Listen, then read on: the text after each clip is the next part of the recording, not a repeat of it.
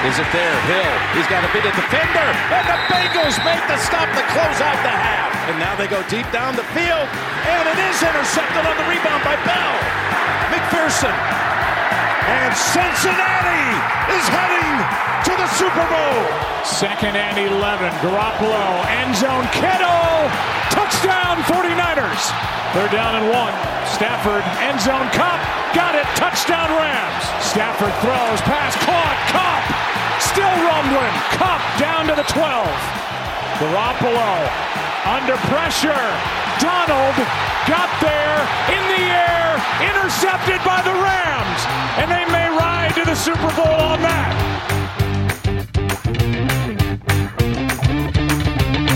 Dit is NFL op woensdag, jouw Nederlandstalige podcast over de NFL, de National Football League.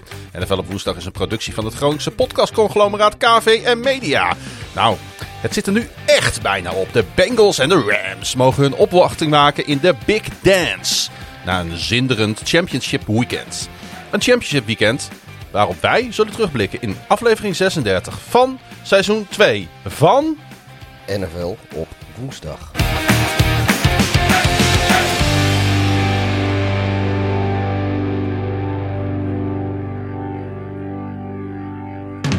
En ook in eh, playoff tijd blijven wij gewoon NFL op woensdag. Ja, maar we verschijnen op Dinsdag. Maandagavond heel laat of, of dinsdag heel, heel vroeg in de ochtend. Ja, en eh, we hebben inderdaad, eh, je hebt het eh, weer goed opgeschreven, een zinderend weekend achter de rug. Was de divisional round al niet genoeg voor de NFL-liefhebber? Kwam dit weekend er nog even lekker overheen.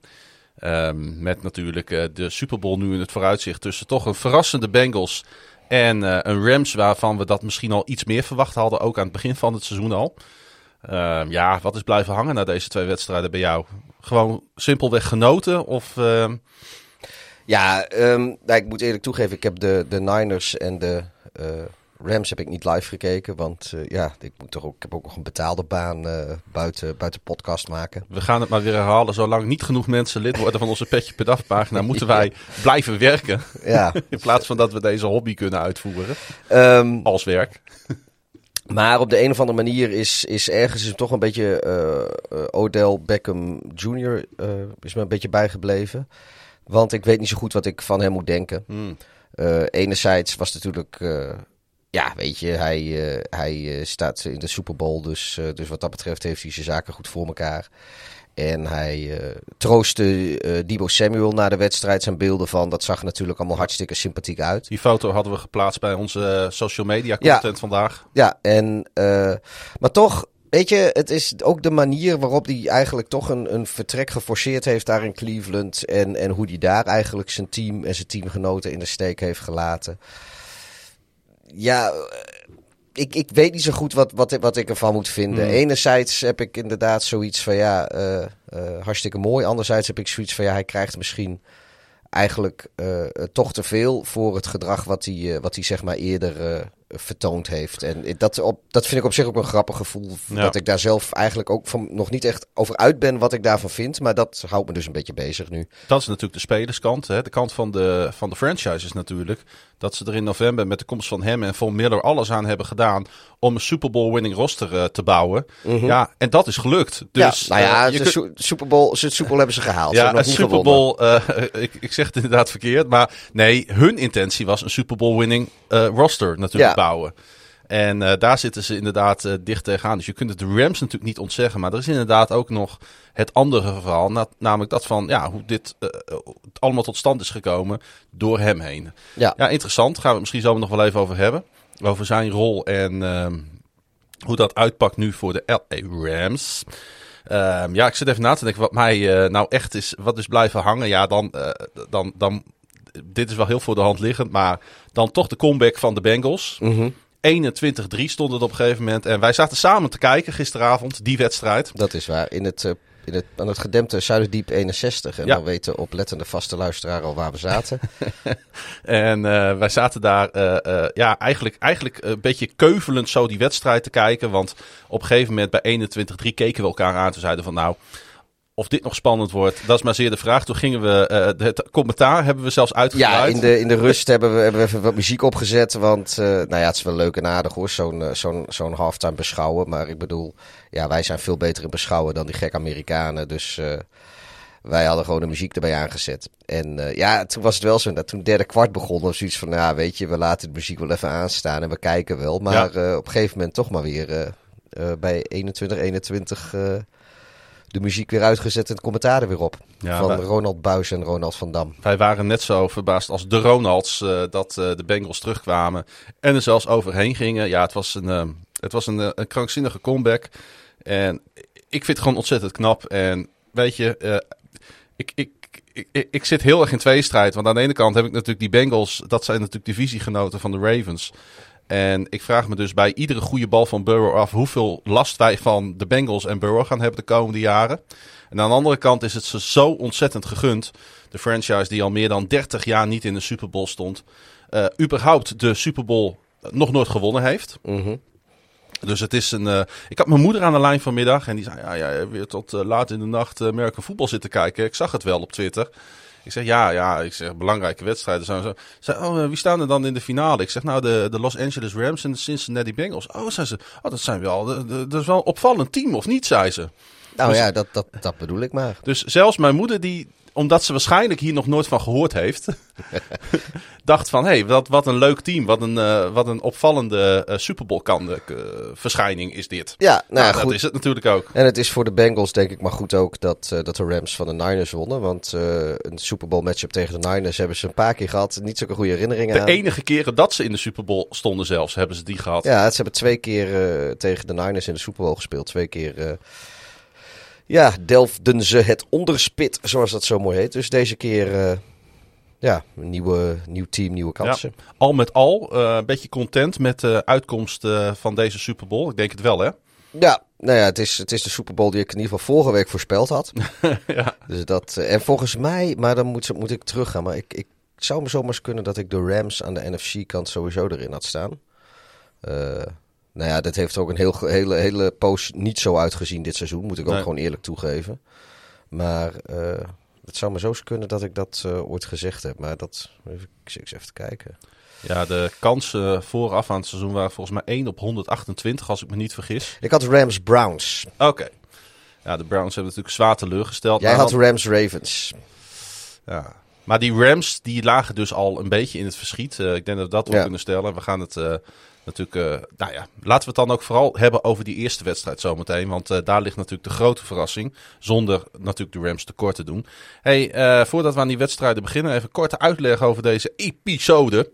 Dit is seizoen 2, aflevering 36. En we gaan het hebben over de wedstrijden en de engagement die daarbij hoort. En na de wedstrijden dan, dan is, zit deze podcast erop. En dan gaan wij door met een eh, extra podcast. Waarin we al het overige nieuws ook nog even bespreken. Dus de trainerscarousel die eh, toch flink op gang is gekomen in de NFL. We hebben het daar vorige week in de extra podcast ook al over gehad. Mhm. Eh, we gaan het natuurlijk even over Tom Brady hebben. En er is opvallend nieuws over Antonio Brown.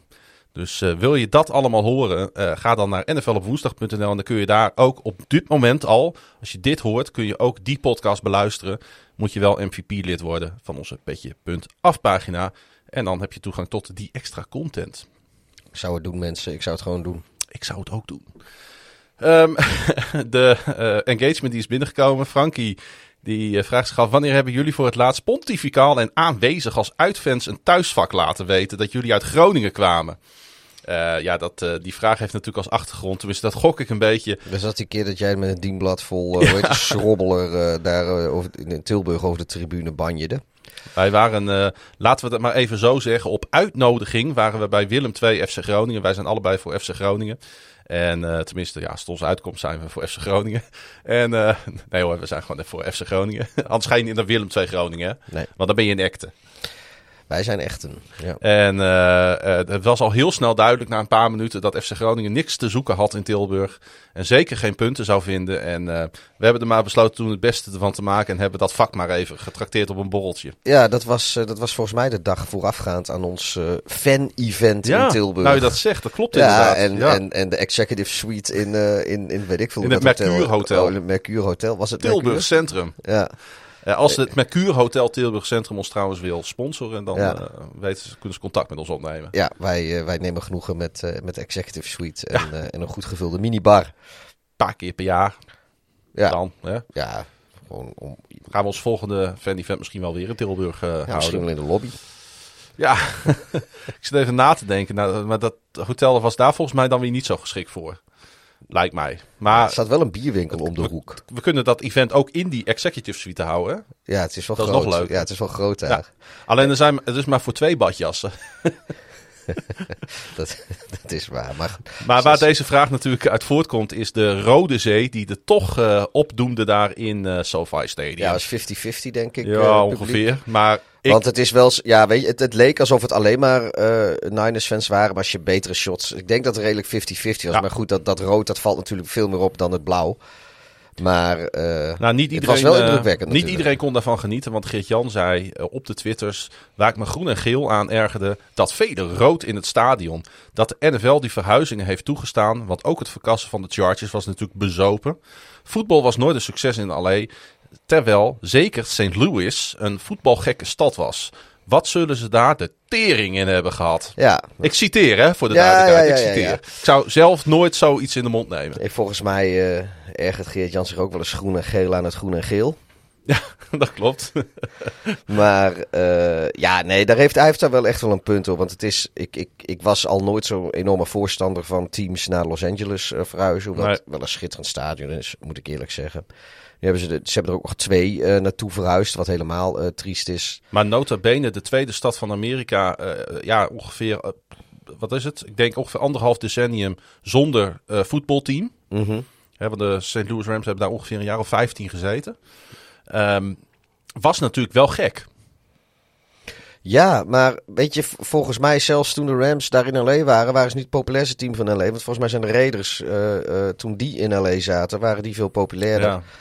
Eh, ja, weet je, het, het, nou ja, wat, wat, wat Geertjan ook zegt, het voetbal, voetbal heeft in Los Angeles nooit echt gewerkt. En eh, ik denk ook niet dat het er snel zal werken, want ehm, ik denk dat, ze- dat een team er wel wat langer moet gaan zitten en blijven dan 15 jaar. Willen ze daar een serieuze fanbase gaan krijgen. Ja. Want dat, tegenwoordig is, is iedereen is voor andere teams. Ik bedoel, zelfs in. in ik denk dat eh, het zou mij niet verbazen als de San Francisco 49ers in Los Angeles een populairder team is dan de Los Angeles Rams. Zelf. Een van de redenen waarom natuurlijk die, die ticket hold-out voor 49er-fans niet werkte. omdat ze kaarten verkochten aan de LA-regio. Ja, slaat natuurlijk helemaal nergens op. Ja, maar Dat daar, daar wordt natuurlijk- wonen dus heel veel Niners-fans al. Bovendien was het ideaal voor mensen daarom om kaartjes te kopen en weer door te verkopen via de diverse platforms. Ja, ik zag trouwens wel, dat eh, moest ik wel heel erg om lachen. Want op een gegeven moment waren ook parkeerplaatsen, die kon je er in de buurt voor 500 dollar voor een parkeerplek. Maar er was dus ook een of andere gast, die had een, weet ik veel, een bedrijventreintje tegenover of een schoolpleintje, whatever. Maar die verkocht daar parkeerplaatsen voor 100 dollar per stuk. Nou, die had de hele parkeerplaats vol. Maar dat, dat terrein was helemaal niet van hem. Hij stond daar. Die- hij, is daar gewoon, hij is daar gewoon gaan staan. En, eh, en hij heeft voor 100, eh, 100 dollar per stuk heeft hij daar parkeerplaatsen verkocht. En geloof een dag later of zo is die, eh, heeft de politie heeft hem opgepikt. Want dat was toch niet helemaal de bedoeling. Wat maar goed ik heb wel zoiets nou, dat is wel weer een beetje VOC-mentaliteit daar. Ja, dat is inderdaad goed. Maar eh, nee, eh, ik moet heel eerlijk zeggen... ja, wel lullig als ik je snap- 100 dollar betaalt voor een parkeerplek. En je komt na de wedstrijd terug je auto is weggesleept. Omdat hij ergens staat wat er achteraf niet mocht staan. Ja, dat is, natuurlijk, dat is natuurlijk een klein beetje het nadeel van, van hoe dat gaat rond die stadions. Er is een soort van gedoogbeleid natuurlijk voor wedstrijden dat alles maar kan en mag. En iedere, ieder grindpad mag gebruikt worden om een auto neer te zetten met een barbecue. En daar staat dan iemand maar ja, geld in ontvangst te nemen. En dan hoop je maar dat dat oké is. Maar ja. Ja. wij hebben vaak rond die stadions gelopen. Het is vaak totaal onduidelijk hoe het precies in elkaar zit. Ja, en dat is... eh, eh, ja, Op een paar officiële tailgates na is het, is het, is het een beetje een, een cowboy verhaal. Hè? Ja, kijk, en, en als je. Ja, kijk, de, de, de binnenstad van, van Chicago, daar zit natuurlijk allemaal van die parkeerplaatsen. Dan wordt het hele jaar door wordt daar geparkeerd. Nou ja, goed, dat is dan nog wel enigszins te doen. Maar inderdaad, ik, ik heb ook wel eh, eh, Green Bay bijvoorbeeld, waar, waar zeg maar direct grenzend aan het stadion gewoon normale woonwijken liggen. Met eh, ja, van die typische Amerikaanse houten huisjes met een oprit. Ja. daar heb je ook mensen, weet je, Ja. die hebben een oprit. Als je, daar kun je met een beetje passen en meten vier of vijf auto's op kwijt. Ja, Buffalo Nou, is ook daar een goed ja, voorbeeld van. Als je er zelf één of twee hebt, nou, dan kun je best voor, noem maar wat, voor 50 dollar per auto. Eh, kun, je, kun je er misschien nog drie of vier auto's kwijt. Nou, dan heb je 150, 200 dollar verdiend. Nou, dat is lekker, weet Kun je, je. kun je zelf naar de wedstrijd toe? Kun je zelf, ja, kun je zelf, eh, heb je, heb wijze je, van. Ja, heb je bij wijze van spreken een seizoenkaart verdiend. Ja. Of, eh, of in ieder geval een wedstrijdconsumpties. dat is natuurlijk schreeuwend duur daar. Nee, maar goed, dat, maar ja, inderdaad, het is als bezoeker is het wel eens, wel eens lastig om te achterhalen Ja, wie, wie bij welk plekje hoort Kijk, en of het allemaal wel klopt. ik snap wel dat Gert-Jan zich er ergens aan ergerde met, met dit als context. Maar ik vond, zeg maar, als kijker vond ik het geweldig om te zien eh, hoe de 49ers dat stadion overnamen. Er was aan één kant van het stadion achter, de, achter één endzone was het echt helemaal rood.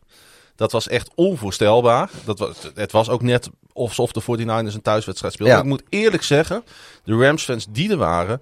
eh, in de tweede helft eh, had op een gegeven moment hadden de 49ers een, een full start. Mhm.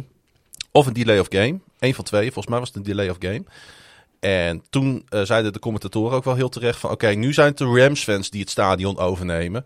En die deze fout, deze flag gewoon forceren. Dat was ook zo. Ja, Dus die gingen er ook echt wel voor op een gegeven moment hoor. Ja, en het, wat, wat ik vooral gezien heb, is er waren inderdaad her en der waren er wel plukjes helemaal rood. Inderdaad, achter een van de endzones. En de bovenste ring was vooral. En, en eh, de, wa- waarschijnlijk, nou, dat weten wij ook, dat zijn over het algemeen de, de goedkope kaarten en de kaarten die niet van seizoenkaarthouders zijn. Maar eh, al met al was het, eh, was het een, mooi, een ja, vrij rode bedoeling. Ja. Rogier. Die eh, twittert, ik rook niet. Heel goed Rogier. Maar als Burrow Super Bowl MVP wordt, steek ik toch een sigaar op. Nou, lijkt me helemaal terecht. Want het is ongekend wat hij, wat hij laat zien dit jaar. En hij koppelt daar vervolgens de volgende vraag aan. Kunnen de Bengals het defensive front van de Rams stoppen? En hoe kunnen Ramsey en Weddle Jamar Chase stoppen?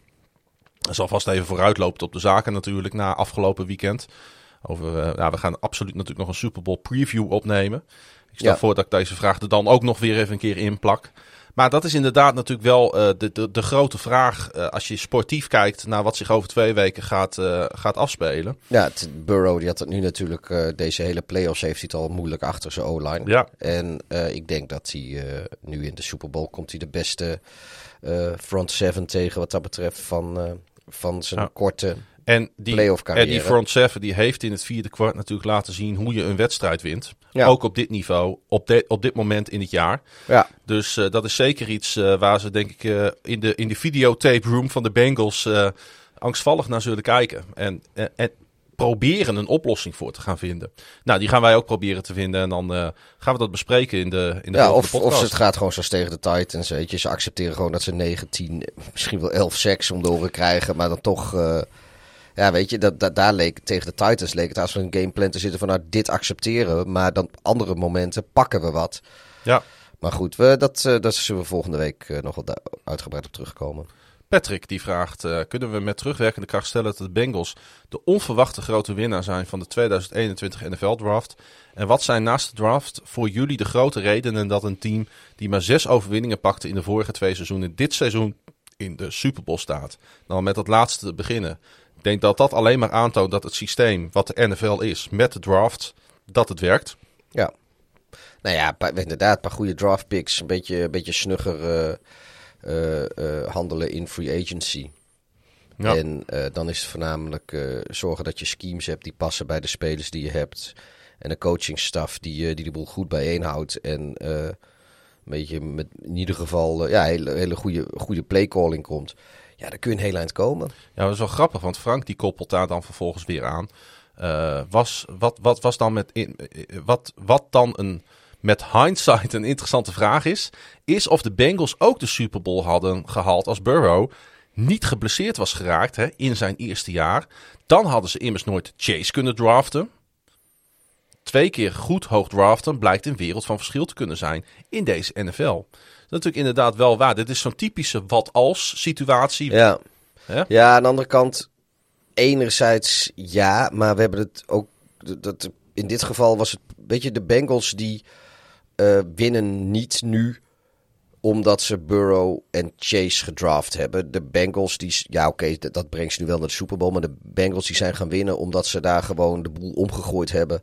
En uh, uh, beleidsmatig gewoon veel beter bezig zijn gegaan. Ja. Want, uh, Want ik zeg, zijn- teams als de Browns, teams als de Lions, teams als de Jaguars, teams als de Dolphins, teams als de Buccaneers in het verleden. Dat zijn allemaal, eh, om, om, om maar wat te noemen, de, de, de Titans hebben het een poos gehad. Maar eh, zijn alle, allemaal teams die, die eh, enige drafts op rij, soms vier, vijf jaar op rij, een, de Jets, een top 5 pick hadden.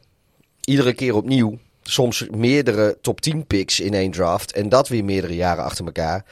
En die, die, die, die spelen na vijf jaar, zeg maar, hoog gedraft hebben, nog steeds mee voor een top 5 draft pick. En eh, natuurlijk is Burrow en Chase, dat is een gouden greep, allebei. En de combinatie maakt het misschien nog wel sterker.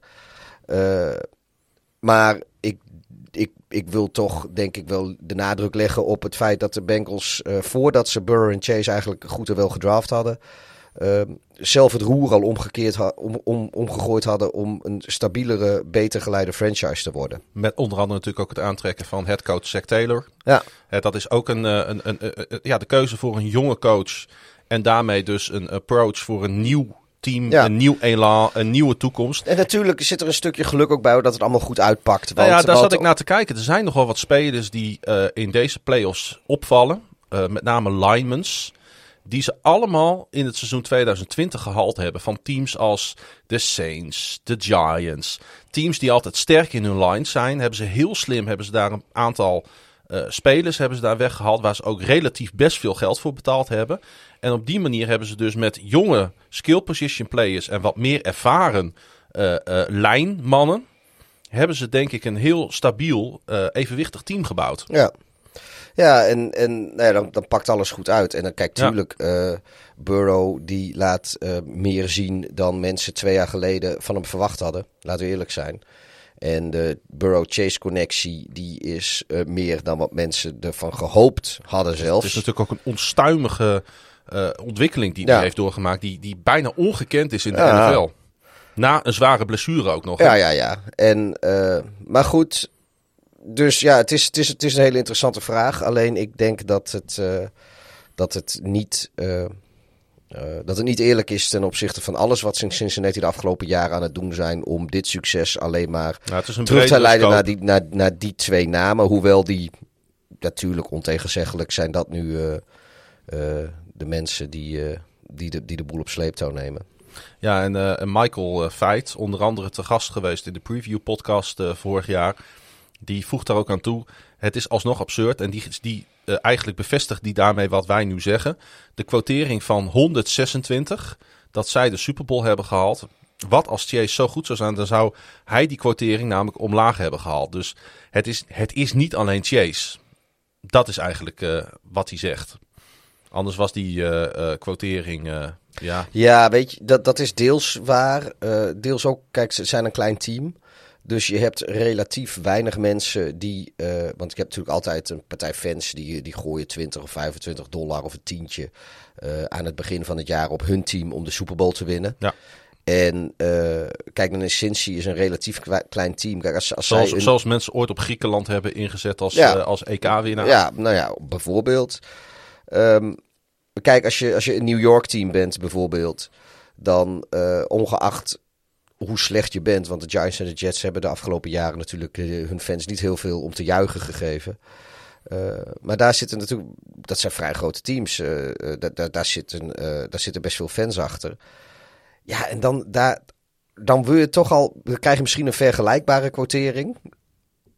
Die, terwijl je kwalitatief een veel slechter team bent. Simpelweg omdat je niet wil dat in dat geval dat ze inderdaad per ongeluk toch zo ver komen. Ja, dan heb je heel veel van die mensen die gewoon niet gokken op kwaliteit. Maar gewoon een, een. En ja, als je dat in één keer per ongeluk wel moet uitbetalen. En daarvoor hoef je met Cincinnati bijvoorbeeld minder te corrigeren. Voor grote teams moet je, moet je wat meer corrigeren eh, voor, ja, voor de Ja, casual of voor de fans die, die gewoon gokken zonder dat ze kijken naar wat eigenlijk de odds zijn, maar gewoon uit fanschap. Hey, de tactiek van de Bengals is toch behoorlijk anders geweest dan die van de Rams. En Nick vraagt dan ook, verwachten jullie dat meer teams de tactiek van de Rams gaan overnemen door win-now players te halen en niet door draften een roster op te bouwen? Ja, dat is natuurlijk een interessante tactiek van de Rams. Die ja, de komende 300 jaar geen eerste ronde pick hebben. Ja, maar maar de wel in de Super Bowl Hun staan. laatste eerste ronde pick was volgens mij 2016. Dus ze hebben, ze ook, ze hebben het ook al vijf jaar niet. Ze, ze doen dit al heel lang. Maar het werkt En wel. nu, nu lukt het. Eh, we hebben het hier eerder over gehad in de podcast. Nou, toen stonden ze natuurlijk niet in de Super Bowl. Maar toen hebben we wel gezegd van ja, luister. eh, eh, dat was of, of het ook een preview show was of ergens in het off-season. Maar we hebben ook gezegd van ja, heel veel teams die, die bouwen door de draft. Maar de Rams dus eigenlijk niet. Maar ja, die zijn. En dat zou dan niet verstandig zijn, want ze zitten met een salary cap. Nou, dat is vloeiend of vloeibaar eigenlijk, zo'n salary cap. Dus daar kun je altijd wel wat mee schuiven. Eh, maar ze, de, de Rams staan structureel eigenlijk in de, in de, in de playoffs. Vorig jaar was het niet zo'n succes, maar dat had ook eh, deels te maken met. eh, ja, ik kan van Goff zeggen wat je wil, maar die was op een gegeven moment ook geblesseerd. Speelde ze met die Wol Wolfsen of zo, Wolf, weet Ja. ik veel. Die, maar in ieder geval met backup quarterbacks, dus dat was, het was allemaal niet zo'n succes. Maar ja, ze zetten wel eigenlijk sinds zij niet meer draft in de eerste ronde. En dat was dus volgens mij 2016, dat de laatste keer was. Zitten ze volgens mij ieder jaar zo'n beetje in de playoffs. Ja. En ehm, ongeacht wat er deze Super Bowl met ze gaat gebeuren, lijkt het erop alsof. eh, Is het niet echt een reden om aan te nemen dat ze volgend jaar. eh, eh, niet weer in ieder geval serieus mee gaan doen voor postseason. Dus ja, dit- het werkt. Maar ehm, is wel grappig. ik eh, weet niet of veel andere teams deze tactiek over gaan nemen. Hun eh, first round picks waren wel, eh, waren wel succesvol. In eh 14 hadden ze ehm, Aaron Donald. Mhm. In, dat was hun tweede. Toen hadden ze de twee trouwens. Hebben ze ook Greg Robinson, de offensive tackle, eh, out of Auburn, hebben ze toen gedraft. Daarna Aaron Donald. Daarna Todd Gurley. Nou, die heeft toch een aardige... Nou, Een jaar later of was dat diezelfde draft? jaar later, Ja. in 2015 en 2016 natuurlijk, met de eerste overall pick Jared Goff. Ja, nou dat was dan achteraf eh, misschien niet de beste keuze geweest. En toen hebben ze er maar, maar ze hebben wel de Super Bowl om, mee eh, gehaald. Maar eh, dat was die Super Bowl te- tegen de Patriots. Ja. Wat weet ik veel, was het 10 10-3 of zoiets? Was uiteindelijk de uitslag. eh, of de, Ja, die heb ik nog eh, in een bar in San Francisco heb ik die, 7-3. eh, die wedstrijd gekeken. Zat ik in een hele volle bar en eh, die liep op een gegeven moment ook gewoon leeg. Omdat mensen helemaal klaar met die Super Bowl waren. ja. Maar goed, dus. eh, eh, Maar- ja, maar volgens mij is dat zo'n beetje. Maar is 2016 ook hun laatste eerste ronde pick geweest? ja, ja, ja. Nou ja, goed. En, en volgens mij duurt het nog wel tot 2023 of 2024 of zo voordat ze er weer een hebben. Ze hebben toen in 2019, weet je nog, hebben ze hun eerste ronde pick naar Atlanta getrade voor meer draft picks. Dus voor Ja. late round picks. Om toch nog wel wat eh, te Ja. kunnen bouwen. Want eh, we moeten niet doen alsof er geen draft capital ligt in de vierde, vijfde ronde natuurlijk. Nee, en ze hebben natuurlijk ook eh, best veel grote sterren gehad voor maar één seizoen of, of twee seizoenen. Zoals een Ndamukong Suh is er nog een poosje geweest, maar die zit ondertussen zit hij in Tampa. Ze hebben, die is volgens mij gestopt ondertussen. Die doet tegenwoordig commentaar geven bij Fox met Keep Talib. Die, eh, eh, die heeft daar nog gezeten volgens mij op het eind van zijn carrière. En ze hebben ze wel meer ehm, grote namen gehad die eigenlijk maar één of twee seizoenen daar meededen en daarna ook weer vertrokken. Mhm. Ehm, nee, en, en dat zal nu niet anders zijn. Ik, ook of ze nou winnen of verliezen in de Super Bowl, er gaan weer een partij spelers vertrekken. Voor de Rams werkt dit, maar het is wel een kunst op zich hoor, om dit zo te doen. Ik denk dat, je, dat niet veel teams eh, die zeg maar nu gebouwd zijn of, of helemaal in, ze, in hun DNA hebben om te proberen te bouwen in de draft. Daar kun je niet eh, de knop omzetten en in één keer in free agency wat gaan doen. Want ja, zoals ik zeg, eh, de Rams doen dit ook al een hele poos. Ik zat erover na te denken wat nou een team zou zijn die dit, eh, deze tactiek ook zou kunnen toepassen. En dat zouden de Tampa Bay Buccaneers kunnen Ja, zijn. die komen er nog een beetje in de buurt. Die natuurlijk, eh, ja, eh, zoals het er nu naar uitziet, Tom Brady eh, eh, gaan verliezen omdat hij met pensioen gaat. Maar wel aan beide kanten van de bal natuurlijk een, een, een, een play-off waardig roster hebben staan. Ja, maar die hebben natuurlijk wel gewoon wat eerste ronde picks en zo eh, gehad de afgelopen jaren. Ja. En, eh, maar volgens mij, ja, ik, ik, ik, ik, ik weet zo snel niet een ander team die, eh, die, dat, die dat op de... Ja, de, de. Seahawks hebben er een beetje een handje van. Die mogen ook graag grote spelers binnenhalen voor hoge, hoge ronde draft picks. Ja, Eh, zijn er ook natuurlijk wel redelijk succesvol mee, maar niet zoals de Rams dat nu laten zien. nee, maar kijk, de, de laatste keer dat de Seahawks echt, echt succesvol waren, was Russell Wilson zat op zijn rookiecontract. Die was hartstikke goedkoop. En Ja. toen hadden ze dat Legion of Boom eh, bij elkaar eh, opgeduikeld. En dat, dat werkte natuurlijk hartstikke goed. Maar zodra daar contracten moesten komen en dat vervangen moesten worden, is het eigenlijk... Ze hebben nog heel lang gewoon structureel meegedaan voor de playoffs, laten we wel zijn. Maar het succes was er wel af. Maar ehm, ja, de, uh, er zijn natuurlijk maar relatief weinig hoge draft picks in dit Rams team die, uh, die het succesvol maken. Ja, Aaron Donald en, uh, is natuurlijk de meest in het oog springende speler die ze hebben die, die, die ze hoog hebben gedraft. En die daadwerkelijk echt een structureel of een heel belangrijk onderdeel is van het succes wat ze hebben. Maar de meeste andere grote spelers Zoals nu ook bijvoorbeeld Stafford. Ja, dat zijn spelers die ze, die ze free agency hebben aangetrokken. Ja, misschien, misschien, van Miller ook. Misschien waren ze ook wat teleurgesteld in hun, uh, in hun quarterback uh, drafts. Want Sam Bradford heeft natuurlijk uh, in 2010 was ook de eerste overall ja, pick. Hè? Heeft ook niet gebracht wat, wat ze ervan gehoopt hadden natuurlijk. Dus ik kan me voorstellen dat die twee teleurstellingen, Bradford en Quinn, ze een beetje ja, op, op dit spoor heeft gebracht. Tezamen natuurlijk met het feit dat dat, nieuwe stadion er kwam. dat, ze heel graag die Super Bowl wouden spelen in hun stadion. Ja, maar ja, het is ook wel logisch. Want uh, ze hebben dus twee keer op rij hebben ze een quarterback gedraft waar ze achteraf uh, niet zo blij mee waren. Nu nee. moet natuurlijk wel zo dat, uh, dat Sam Bradford onder een compleet ander regime gedraft is. Maar dat geldt voor Goff niet zozeer. Um, maar ja, met, dan heb je met, met Stafford heb je wel gewoon een bewezen quarterback die, uh, uh, die de skillset heeft waar uh, McVay naar zoekt. Nou, dat is ook bewezen, want hij, ze staan in de Super Bowl nu te koekeloeren. Ze hebben sowieso geen track record, want de laatste keer voor Sam Bradford dat ze in de eerste ronde een quarterback draften, was in 1962. Weet je, dat, dat zit je Norm van Brooklyn of zoiets? Nee, nee, nee dat, was, dat was Roman Gabriel. Oké. En um, Um, volgens mij was dat wel een, uh, dat was echt wel een, een, een, een hele goede quarterback. Uh, ik zit even te kijken of die ook iets uh, viervoudig Pro Bowl, NFL MVP geweest in 1969, NFL Passing Yards leader geweest. Dus dat was wel een goede quarterback. Maar goed, die tijden zijn natuurlijk niet met elkaar te vergelijken. Maar zo is er altijd geschiedenis. Hey, uh, om, ja, om niet, niet vraag te antwoorden. Ik denk niet dat veel teams die, die tactiek nu gaan kopiëren. En als ze dat wel gaan doen, dan komen die teams denk ik van een koude kermis thuis. Want er zijn heel veel teams die het in het verleden geprobeerd hebben. En eigenlijk zijn de Rams een van de weinige teams die het lukt. Aan de andere kant hebben de Bengals natuurlijk in twee jaar tijd nu ook laten zien dat je met een succesvolle jonge coach, die ook de, de moderne quarterbacks begrijpt, dat je ook heel ver kan komen. Ja, precies. Ja. Hey, um, andere vraag over de Rams van Nick. Dus niet van Nick, maar van Nick. Hadden de Rams de Super Bowl gehad zonder Cooper Cup? Dat was wel grappig wat uh, Sean McVay na de wedstrijd zei. Die zei, zonder Cooper Cup hadden wij hier niet gestaan. Nee, dat... Uh, uh, maar ja, weet je, hadden de Niners de NFC Championship game gehaald zonder Debo Samuel? Uh, nee, ieder team heeft natuurlijk zijn playmakers nodig. Ja. Uh, tenzij je een, een defense hebt van het kaliber jaren 80 Bears of 2000 Ravens. Ja. Maar anders ja, kom je er niet in deze. Eh, maar we zitten ook in een andere nou, tijd. Kijk, maar weet je, kijk, de Chiefs, die had ik nog steeds van in de AFC Championship game gezien. Ook zonder uh, Kelsey bijvoorbeeld. Of hmm. zonder Tyreek Hill. Niet, niet, zonder allebei. Maar als je een van die twee wegneemt, dan had ik, met, had ik mijn Holmes het nog wel zien doen. En, uh, maar ik zie de Bengals niet zo ver komen zonder Chase. Nu we het dan even over een. een uh, maar, en ik zie de beide NFC-teams, als je daar de beste niet quarterback speler zeg maar, weghaalt bij de offense. Nou, dat is denk ik inderdaad Cup bij, uh, bij de Rams en Timo mm Samuel bij de uh, Niners. Dan waren ze niet zo ver gekomen. Maar goed, dat, ja, dat... Uh... Hey, nog een, een, een, vraag van een hele andere orde. Van Arm Eagle. Die zegt, bestaat intentional grounding niet meer? En ik, ik vond dat wel een terechte vraag. Want ik heb meerdere situaties gezien, zondagavond en nacht dat ik toch echt uh, zeer neigde naar intentional grounding. Dat het uh, structureel niet gegeven werd. Uh, je merkt toch dat vaak zebra's wat terughoudend zijn met deze call. Hè?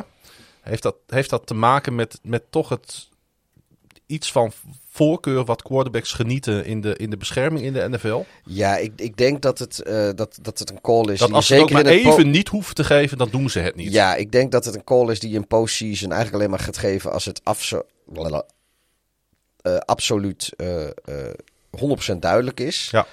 Maar um, ja, wat, wat veel gebeurt en dat, dat, dat wij kijken naar die broadcast footage. En daar zie je niet altijd wat de offensive tackles doen. Nee. En um, als die tackles een stuk uh, bewogen hebben en de quarterback is dus buiten de tacklebox gekomen, dan is het in principe uh, is het volgens mij geen intentional grounding meer als hij die bal gewoon naar de grond gooit. Maar die zone is toch afgebakend, die is toch heel duidelijk. Ja, die, maar die verandert toch niet op het moment dat de offensive tackle drie meter naar rechts Jawel, want de, de tacklebox is tussen de twee tackles. Dus als de, de offensive line naar links gaat en de quarterback loopt naar rechts, dan loopt de quarterback dan is dat de tacklebox dan is uit. dan is dat toch in het nadeel van de quarterback omdat de tacklebox dan groter wordt. Dus dan is de intentie... Nee, nee, want de hele, als de hele line die maakt een shift. Het is niet zo dat ze uit elkaar nee, getrokken worden. Die line die maakt bijvoorbeeld een shift van een paar stappen naar links. En de quarterback die rolt uit een paar stappen naar rechts. Ja. Nou, dan staat hij uit de tacklebox. En als er dan pressure komt, gooit hij de bal op de grond. En is volgens mij geen intentional grounding. Alleen, wat je op televisie zie je vaak niet waar de tackles, waar de O-line staat. Want ze zoomen in op, je ziet één ervan. Of, of, of. Hmm. Dus, dat, ik, dus ik, ik weet, ik, ik zeg niet dat er geen intentional grounding is geweest dat niet gecalled is. Maar ik heb wel het idee dat het minder vaak intentional grounding is dan dat, dan dat het soms lijkt als wij uh, tv kijken. Duidelijk. Laatste vraag uh, die we in dit blokje uh, behandelen is weer van, een, van, van Nick. Ik weet niet of het dezelfde Nick is, kan ook een andere Nick zijn. Erik Weddle, de Who's That Man. Twee seizoenen gestopt, komt terug en staat in de Super Bowl met de Rams. Ja, ik moet eerlijk zeggen, hij staat op mijn lijstje. Erik Weddle, die wil ik heel graag komend offseason eens een keer behandelen. Eens even kijken naar zijn carrièrepad. En ik las ook een heel interessant verhaal over hem. Hoe hij de afgelopen twee jaar uh, full uh, time basketbal is gaan trainen om in shape te blijven. En daarom kon hij dus vrij moeiteloos invoegen. Dus uh, ja. wat mij betreft, uh, bij deze gaan we over een paar weken eens even uh, Erik Weddle onder de loep nemen. Want dat is wel een hele leuke speler om eens een keer wat, wat meer over op te zoeken. Lijkt me goed. hey, Pieter, ben je er klaar voor? Is de grote vraag. klaar om eindelijk deze twee wedstrijden te gaan nabeschouwen? Wat doe je als ik nee zeg?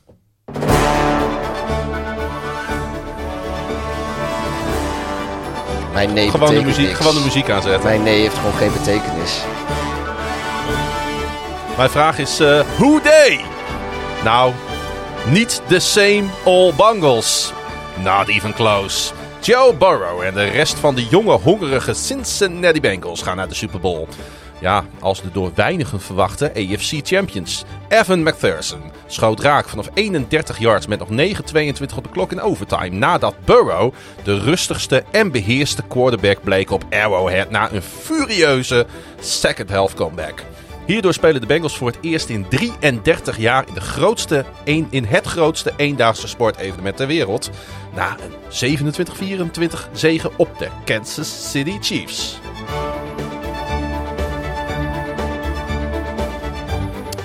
It's a special team that's capable of doing special things. Al dus coach Zack Taylor, die nog op de basisschool zat toen de Bengals voor de laatste keer naar de Super Bowl gingen.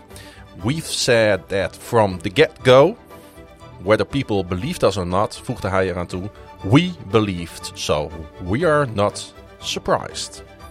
Ja, de winnende coach heeft altijd gelijk, uh, Pieter. Ja, heerlijk, uh, heerlijke dooddoeners weer. Ja. lekker, uh, lekker, altijd, lekker mediatraining. Die coaches zeggen, die zeggen altijd dat, hè? Van, ja, wij, wij zijn niet verrast. Wij wisten dat we talent in huis hadden. Nou ja, weet je, dat, ik geloof dat ook best hoor. Want als jij niet gelooft dat je, dat je kan winnen als je verdomme aan de kick-off staat van een, van een conference championship game. Ja, dan heb je er gewoon geen reet te zoeken. Dan ben je een sportman van niks.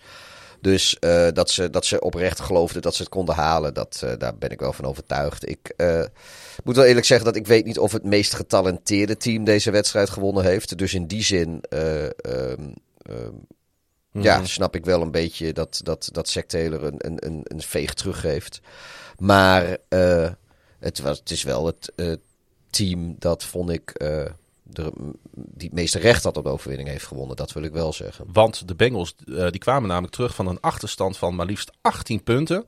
Waarmee ze een AFC title game record voor grootste comeback evenaarden.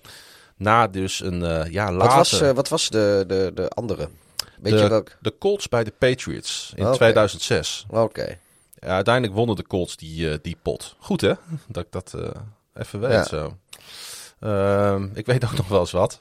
Na een uh, late 24 21 na het uh, tegen de Bears spelen, was die. Was dat die? Uh, ja, 2006. Ja. ja. Hm. Hm. Klopt. Maar achteraf beter misschien de Patriots kunnen hebben. Ja, inderdaad.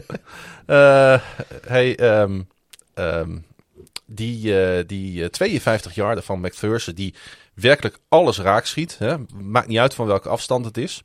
Eh, was Ja, natuurlijk... daarom draaf je, een kick, draaf je een kikker in de vijfde ronde. Juist. Vijfde ronde, jongen. Dat, eh, ik, ik wil ook alle luisteraars adviseren dat in fantasy ook gewoon te doen. Vijfde ronde, tijd voor een kikker. Nou, ik ga het een keer proberen dit jaar. Eh, ja, alsof jij het nog nooit geprobeerd hebt.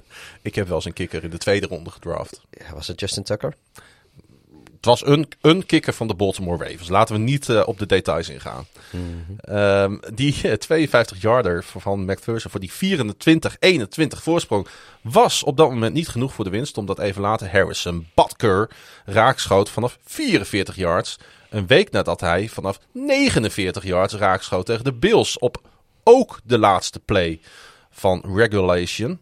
Ja, en toen kwam hij weer, eh, Pieter, die, eh, die eh, verdraaide co- coin toss. Ja, en weer, eh, weer winnen die, eh, die verdomde Chiefs, die winnen. Ja, en nu eh, andersom. Want Allen callde vorige week tails en toen werd het heads. En Cincinnati backup quarterback Brandon Allen, die schijnbaar is aangenomen om coin tosses te doen, die callde, die heads en het werd tails. Waarom ze dat trouwens Allen laten doen? Nou, dat, ik denk gewoon omdat hij een van de drie aanvoerders is. En eh, de andere twee aanvoerders zijn waarschijnlijk basisspelers. Zo Ja, eentje op de Die aanvoer. moest in de even op, eh, op adem komen. En die, ja, of die waren tactiek aan het doornemen. Die, dan heb je gewoon een soort extra time-out weer. eh. Ja, dat is en, en ja, weet je, kom op man. iedereen kan. wij- dat is nou iets dat had ik ook nog wel kunnen doen, die coin toss. Ja, ja, als je rustig het veld op mag lopen en af, dan Ja, hadden wij het ook kunnen ja, doen. als je niet hoeft te sprinten. Als je jou van, van achter een bar eh, daar op die club lounge eh, ziet waarschijnlijk weg moeten trekken. ja, het maakt niet uit als je langs maar op zo'n golfkarretje naar de midden Who's on the list? Who's on the list? It's, uh, it's Peter from NFL on Wednesday. Where is he? At the bar. Oh yeah, of course.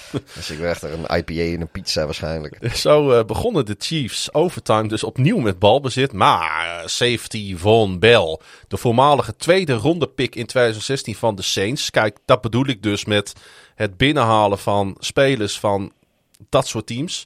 Intercepten Mahomes op de derde play, waardoor Burrow en de Bengals het vanaf hun eigen 45 mochten proberen. Ja, eh, toen, eh, toen, toen, toen gingen we wel even los hè, in, eh, in, in- aan het gedempte Zuiderdiep 61. Ja, ik vond het ook wel grappig, want de, de, de Bengals hebben, zijn toen nog vrij lang bezig geweest. Een, een redelijk lange drive hebben ze nog gehad richting, om, om maar zo dicht mogelijk in field goal range te komen. En op het laatst Ja.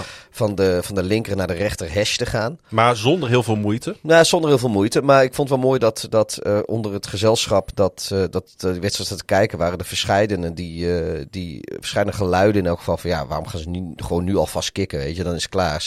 Kick die bal gewoon en huppatee, klaar en is McPherson kan alles op dit moment. Dus Ja, maar goed, aan de andere kant, je wil McPherson ook eh, eh, red hot houden. Dus je gaat hem niet een 53 yarder geven, bij wijze van spreken, als je, Mhm. als je het idee hebt dat je, dat je hem ook een 35 yarder kan geven. Ja, maar het was wel opvallend, want eh, hoe, want dat, dat is, ik zei dat in de intro, ik zei dat niet voor niks, hoe ongelooflijk beheerst en rustig die Bengals dat veld overstaken na die field goal poging. Het leek net alsof het een, een, een- een, een pre-season Ja, maar drive dat- was. dat- Zo makkelijk en rustig deden ze Ja, maar dat. dat is denk ik ook ten eerste, eh, eh, ja, Alsof ze er nooit aan getwijfeld hebben. Nee, maar ik, ik, weet je, ik denk ook, eh, die, die Bengals die hadden natuurlijk, en dat, dat leek het ook wel op, wat ik volgens mij vorige week ook zei, dat ze, ze kijk, tuurlijk speelden ze met druk. Hallo, eh, je speelt voor, eh, voor je conference championship en een, en een ticket naar de Super Bowl. Ja.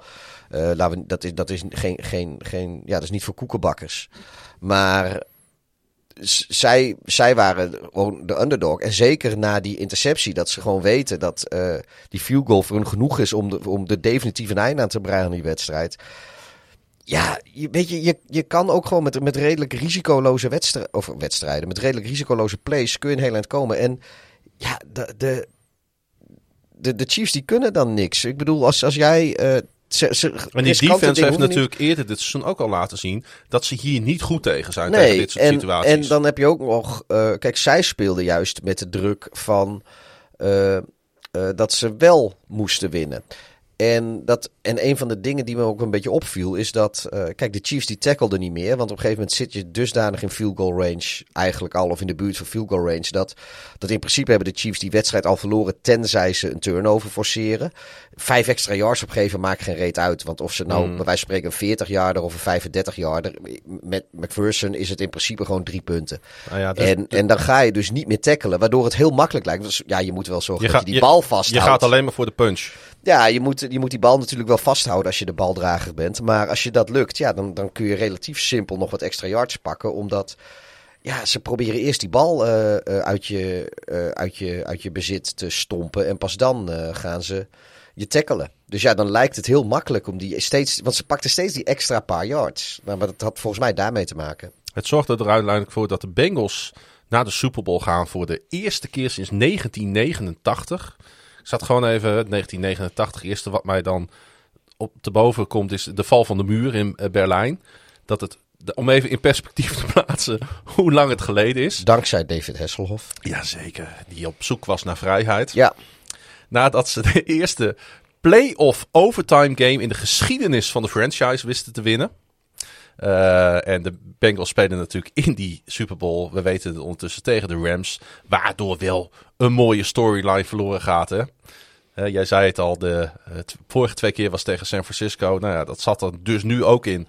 Maar dat is het uiteindelijk niet geworden. Ja, voor de Chiefs, Pieter, zal die kaarten toch groot zijn. Hè? Want hoeveel kans wil je hebben om voor de derde keer op rij een Super Bowl te spelen?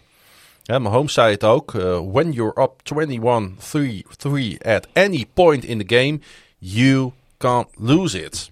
I put that on myself. Is terecht dat Mahomes hier uh, de, de hand in eigen boezem steekt? Ja, hij, uh, ik weet niet wat er in de tweede... Nou, ik weet wel een beetje wat er in de tweede helft gebeurde. Uh, want de, de Bengals gingen wat anders verdedigen. In de tweede helft hebben ja. ze, gingen ze voor bijna de helft van de plays dropten ze acht in coverage. Waardoor het. Uh, waardoor, uh, waardoor Mahomes uh, ja, zijn mannetjes niet meer Nee, en, en, en dat had wel tot gevolg dat ze eigenlijk ook niet meer goed bij Mahomes kwamen. Dus je zag ook wel dat hij soms heel lang bezig was met rondlopen achter zijn O-line. Ja. en hij bleef maar heen en weer mieren. Maar aan de andere kant, ja, dat had ook. het heeft, heeft ook fumbles en zo tot, tot gevolg gehad. Seks tot gevolg gehad. En.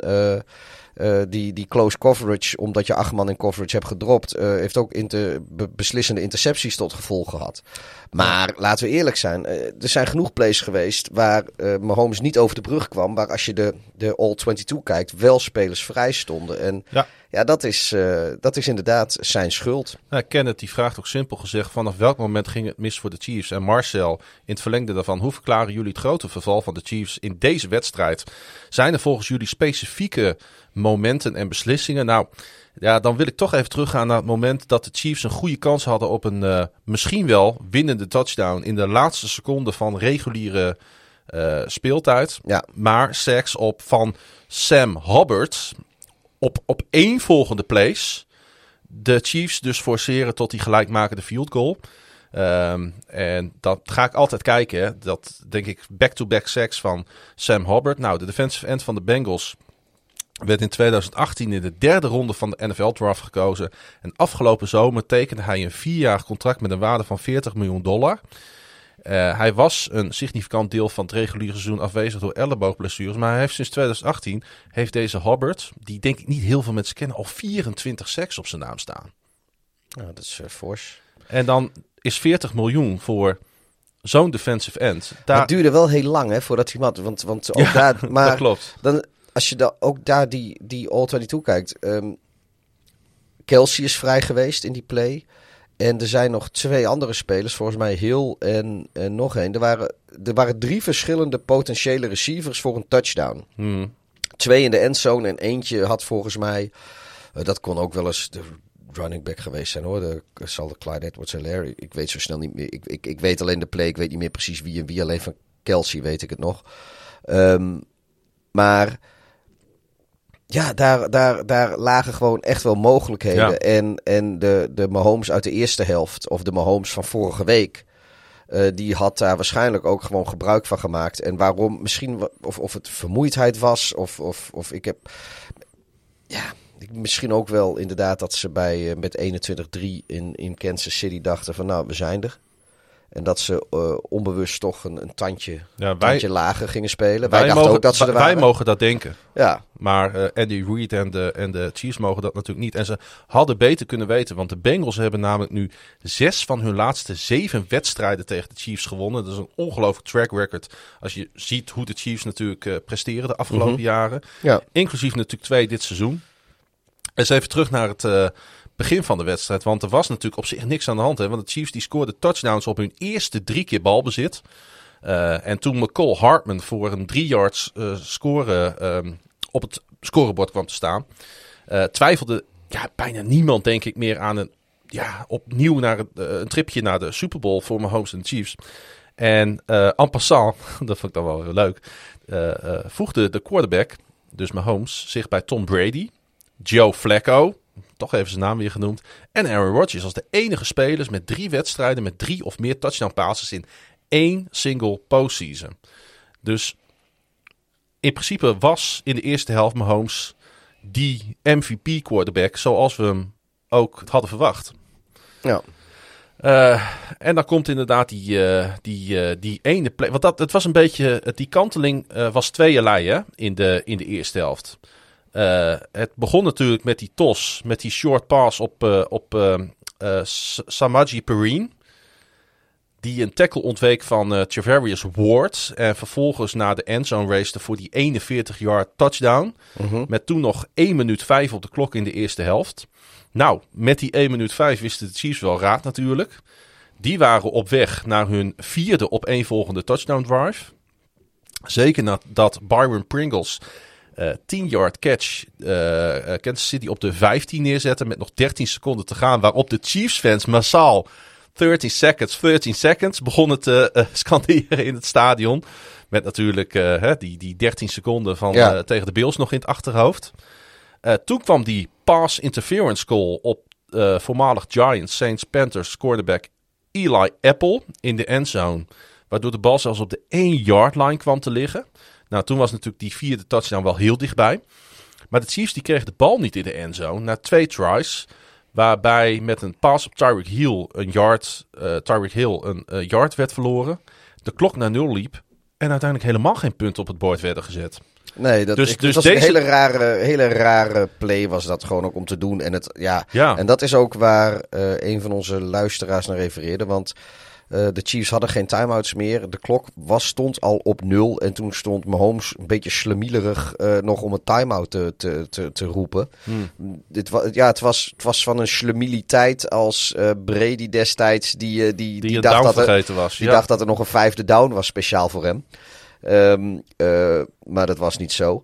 Maar daar, weet je, dat, was een beetje niveau in één keer. En dat is, eh dan kun je zien dat, dat ook die hele grote quarterbacks soms toch hersenscheten hebben in, in, in, in bepaalde situaties. Dat ze, dat ze zoveel in hun hoofd hebben dat ze heel even niet meer zich bewust zijn van, eh, van wat er nou precies gaande is in zo'n wedstrijd. Nee, aan de andere kant eh, hield Andy Reid Mahomes een beetje uit de wind door te zeggen van ja, ik heb gewoon de verkeerde play daar gecallt. Sowieso, dat, dat denk ik had, ik had beter moeten doen en, en daar heeft hij ook gelijk in. Want op het moment dat, dat je zo onder druk staat met de Super Bowl on the line, dan is het de coach die de goede play moet callen. Ja, en weet je, en, en, nee, maar dit is ook weer, dit is typisch zo'n play eh, dat ze een beetje eh, cute eh, willen worden. Het staat 21-3. Je denkt er nog even voor rust 28-3 van te kunnen maken. En in principe is dan nee, beslist. 10 hè, want er zat die Perrine touchdown bij. Eén, met 1 minuut 5 nog op de klok. Dus het werd 21-10. oh, sorry. Ja, ja zij- oké. Nee, maar in principe kun je, kun, je, kun je alsnog die wedstrijd gewoon in het slot gooien. Juist. En ja, dat doe je dan niet. En Ja, dan is Weet je, het is wel weer zo, wat, wat, wat, wat ik daar dan weer van vind. Je kan op, daar op die play, ja, het is lekker makkelijk zeggen achteraf met hoe die wedstrijd gelopen is. Je kan, je, je kan daar de, de, de wedstrijd, in principe kun je hem daar, eh, eh, ja, eigenlijk kun je hem daar wel winnen. Maar ja, je, nu, maar, maar, maar je verliest hem gewoon, omdat je je, verliest hem. Ja, eh, omdat je gewoon de, de, de play call eigenlijk niet op orde hebt. want 21-10 of eh 28-10, dat is echt een, echt een wereld van verschil. Want wat gebeurt er na rust? Nou ja. de, Be- de Bengals pakken een field goaltje mee. Opeens is het een one-score game met 21-13. Ja. Waarvan Nou ja, maar ze hadden inderdaad, wat je zegt, ze hadden vlak voor rust hadden de Bengals natuurlijk eh, gescoord. Ja. En, dat, nou, en vervolgens hebben ze die stop. En hoe die er komt, komt hij er. Denk je dat die Bengals er wakker van liggen dat ze, dat ze bij de Chiefs de playcalling uh, verneukt hadden? Helemaal niet. Die weet alleen van, ja, ze stonden op randje endzone. En ze rekenen op minimaal drie punten tegen, maar met een beetje per gewoon zeven. En het werden de nul. Dus Ondanks de slechte call, erg goed verdedigd trouwens. Ja, maar dat is dus een dikke overwinning voor ze. Terwijl, uh, dus terwijl zij zeg maar op een high die kleedkamer ingaan en zichzelf helemaal kunnen oppeppen om, om als een stel bezetenen die kleedkamer weer uit te komen, moeten ze eigenlijk ja. bij de Chiefs een beetje introspect op hunzelf. Uh, en daar komt nog even, bij. Even terugblikken wat er misging, omdat en die scoren en zelf niet scoren. Ja, en uh, na rust uh, kwam er opeens ook niks meer bij de Chiefs weg. Want het duurde tot ongeveer twee, drie minuutjes voor het einde van het derde kwart dat de Bengals een field goal maakten. Een 31 yarder van McPherson. Cincinnati kreeg kort daarna de bal terug op de Chiefs 27. Na natuurlijk die interceptie. Want dat gaat dan ook gebeuren van defensive tackle BJ, BJ Hill. Deed me een beetje denken aan Packers 49ers. Weet je, dat de Packers niet in die wedstrijd zitten. En je voelt, er gaat ergens een big defensive ja. play komen die deze wedstrijd helemaal om gaat draaien. Nou, dat gebeurde op, op, uh, op, uh, bij de Green Bay Packers. Ja, je, dat gebeurde je, hier het ook. Was gewoon, je, je zag op een gegeven moment... Dat lekker, het was een wachten op, hè? Lekker cliché, maar de Bengals wilden het meer dan de Chiefs levert ja. op een gegeven moment op. En, en waar de, de Chiefs zeg maar eigenlijk al niet van zichzelf konden winnen, laat staan van de Bengals...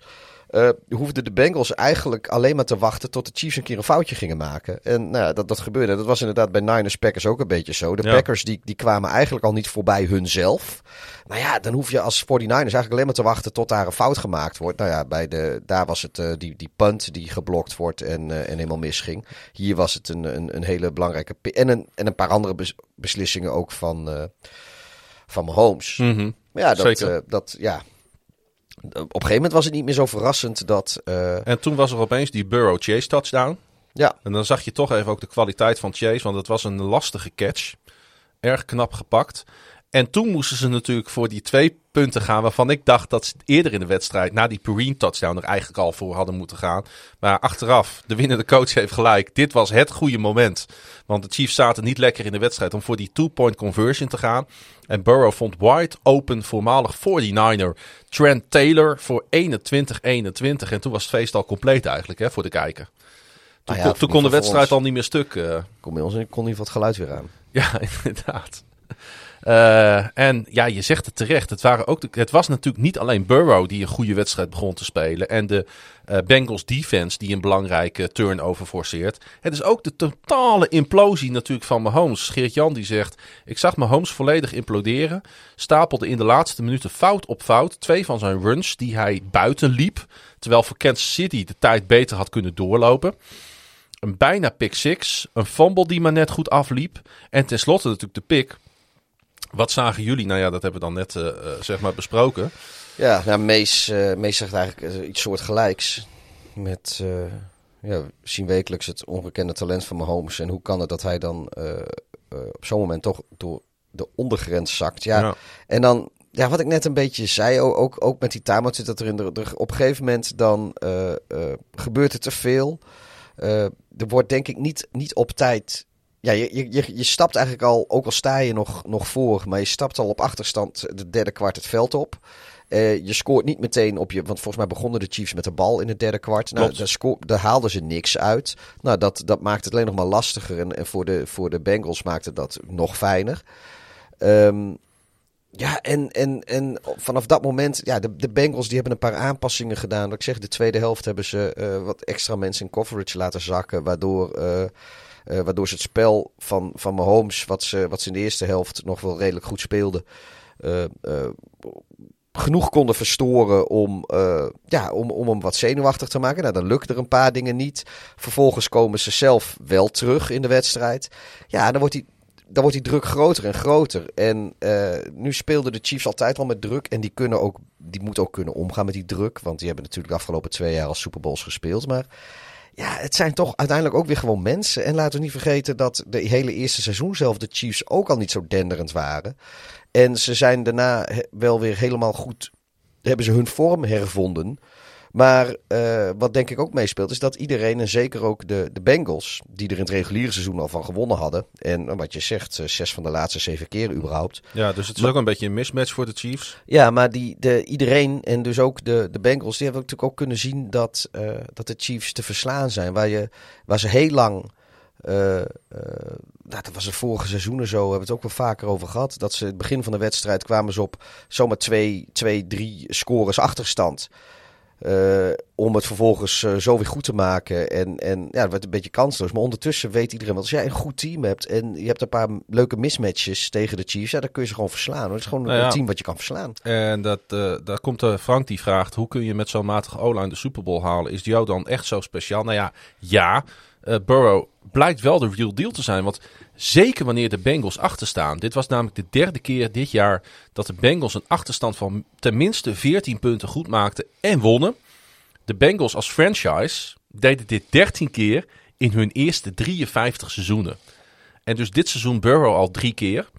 Um, in week 4 stonden ze 14 punten achter tegen de Jaguars. En Burrow gooide voor 253 yards en twee touchdowns in de tweede helft voor een 24-21 overwinning. En nou komt het. De Bengals stonden tegen dezezelfde Chiefs als waar ze nu van wonnen. Vier weken geleden ook met 14 punten achter. En Burrow gooide ook in die wedstrijd na rust voor opnieuw precies 253 yards en twee touchdowns. Wat uiteindelijk natuurlijk uitmondde in een division clinching 34, 31 zegen. Dus het, het, het, blijkt gewoon dat deze man, ondanks dat hij niet zo'n goede O-line heeft, het team op sleeptouw kan nemen. Ja, maar kijk, het is, uh, uh, het is natuurlijk een fabel om te denken dat je met een matige O-line geen Super Bowl kan halen of zelfs winnen. Ik bedoel, er zijn regelmatig teams geweest die, die, die het gelukt is. Uh, de, de Seahawks natuurlijk hebben met, een, met een helemaal niet een goede O-line hebben ze twee jaar achter elkaar in de Super Bowl gestaan. toen de Packers de Super Bowl wonnen. En uh, al die NFC Championship games die ze gespeeld hebben, op het al ook lang niet altijd een even geweldige O-line. Zeker in begin van de 2010's niet. Dus toen de, toen de Packers een 15-1 seizoen hadden en het jaar daarvoor de Super Bowl wonnen. Ja, toen lag Aaron Rodgers ook regelmatig op zijn rug. Met, met een verdediger uh, bovenop hem. En zo zijn er wel meer teams geweest natuurlijk. Maar het, ja, weet je, het komt... Uh, het, het kan gewoon. Alleen ja, je, je, het is wel lastiger, want je moet uh, heel veel andere dingen moet je, moet je heel goed doen om dat te compenseren. Maar uh, ja, als, als het talent is en je, je playcalling is goed, ja, dan kan dat zeker. Joe Burrow wordt, als hij uh, nou ja, niet van een keukentrapje of zo valt, de zesde quarterback sinds 2000 die in een Super Bowl speelt in zijn tweede seizoen. Kurt Warner 2000, Tom Brady 2002, Ben Roethlisberger 2006, Colin Kaepernick in 2013 en Russell Wilson in 2014 zijn de anderen. Zij zijn tezamen 4-1. Alleen Kaepernick verloor in 2013 van de Baltimore Ravens. En uh, Brady um, en Warner voerden, net als Burrow, teams aan die in hun voorgaande seizoen een losing record hadden. Dus bij die twee spelers kan hij zich uh, voegen. Ja, en ik kan toch niet anders dan, en uh, dit is niet namens ons, maar namens, namens mezelf, om Joe Burrow uit te roepen tot.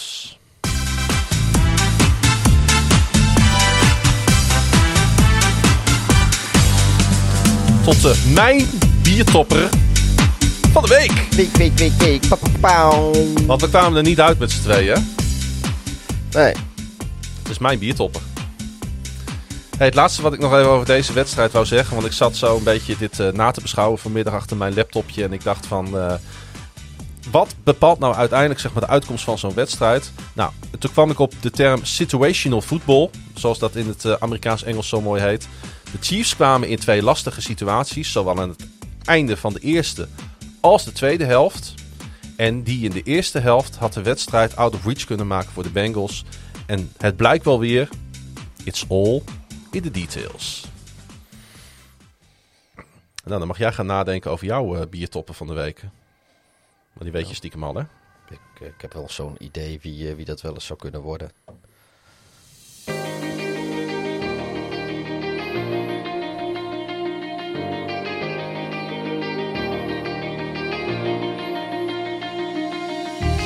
De Rams gaan naar de Super Bowl in hun eigen Los Angeles. Na een 2017 overwinning op de San Francisco 49ers. Kicker Matt Gay scoorde de go-ahead field goal met nog 1.46 te spelen. En de Rams defense maakte het af met een interceptie van Trevin Howard. Na een desperation play van Jimmy Garoppolo, die wel eens zijn laatste wedstrijd als 49er gespeeld zou kunnen hebben.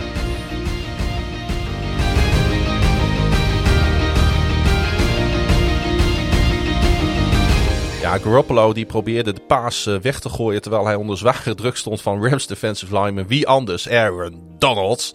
Maar de bal werd getipt omdat running back uh, Jermichael Hasty de bal onder controle probeerde te krijgen. Het was een, uh, ja, voor de 49ers een beetje een, een beschamend moment, hè?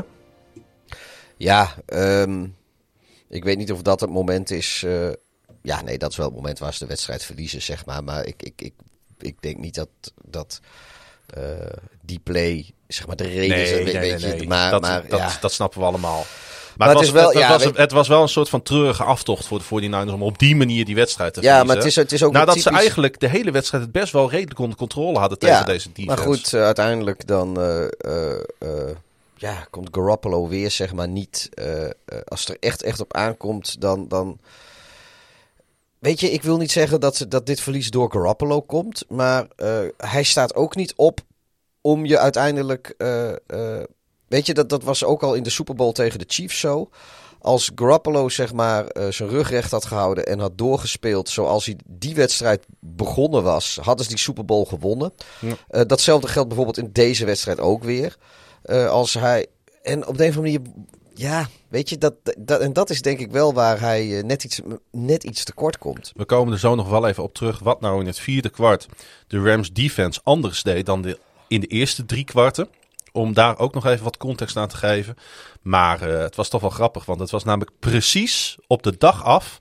Op het eenjarig jubileum van de Golf Stafford trade.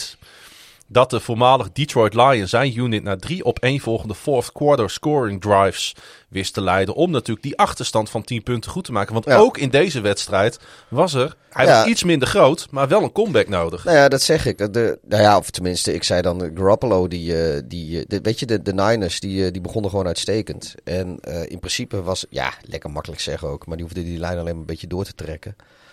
Ehm, Nou ja, voor hun was het alleen maar winst natuurlijk dat ze bij rust gewoon ja, met 10-7 voor stonden. En toen bouwden ze dat ook nog uit naar 17-7. ja. En ik zat net als ik naar die wedstrijd, eh, eh, eh, de eerste wedstrijd zat te kijken, zat ik hier ook van. Oh, dit zou wel een soort van walk in the park kunnen worden als de 49ers dit gewoon doortrekken. ja. En dat deden ze dus niet. Voor de Rams ving All-Pro receiver Cooper Cup twee touchdowns. Ja, en Aaron Donald, de drievoudige NFL Defensive Player of the Year, die zal het maar zijn, hielp de deur in het slot te gooien. Garoppolo probeerde de paas weg te gooien, terwijl hij dus onder Ja, dat- zware ja. druk stond. Ehm, en eh, ja, eh, daardoor ehm, was er geen kans meer voor. Want het, is natuurlijk, het was op third down.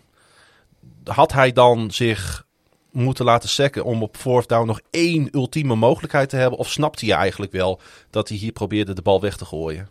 Even in het hoofd van Garoppolo kijken. ja, maar gooi dan over de zijlijn. Er was, er was ook dit, Ja, maar dat- was hier uit de pocket. Die kracht had hij niet meer, hè? Om, in zijn arm om onder druk al vallend die bal over de zijlijn te Ja, slingen. maar ik bedoel, eh, vriend, eh vriend Hasty stond toch ook niet, die stond niet heel ver bij de zijlijn vandaan. Ja, maar die, Maar ja, goed, had die Hasty, bal ook, gewoon, eh, ook gewoon naar de grond moeten slaan. Maar ja, Ja. ik snap ook wel, weet je, dan heb je een incompletion en dan het, ging allemaal wel, het ging wel heel snel natuurlijk allemaal, hè? Ja, hij had, en ik, ik snap wel dat hij, eh, dat, dat hij natuurlijk iedere yard wil pakken die hij pakken kan. Ja. En het is lekker, lekker makkelijk lullen achteraf en dat, eh, dat doen wij dan ook met liefde. Maar inderdaad, gooi je gewoon over de zijlijn, gooi naar zijn voeten eh, van Hasty in plaats van eh, op, op, op zijn lichaam. eh gooi. Hasty had die man naar de grond kunnen slaan. Maar ja, eigenlijk was, eh, was, heel, was heel veel dingen. Achteraf zelfs de sec was, was een betere beslissing geweest dan Ja, wat, wat, eh, wat uiteindelijk gebeurde. Eh, gevolg was natuurlijk een plekje in de Super Bowl. Maar ook het einde van die six-game losing streak tegen eh, hun ri- divisierivaal. Nou, het is wel. eh, weet je, ik denk dat ze die afgelopen zes wedstrijden met liefde hadden verloren.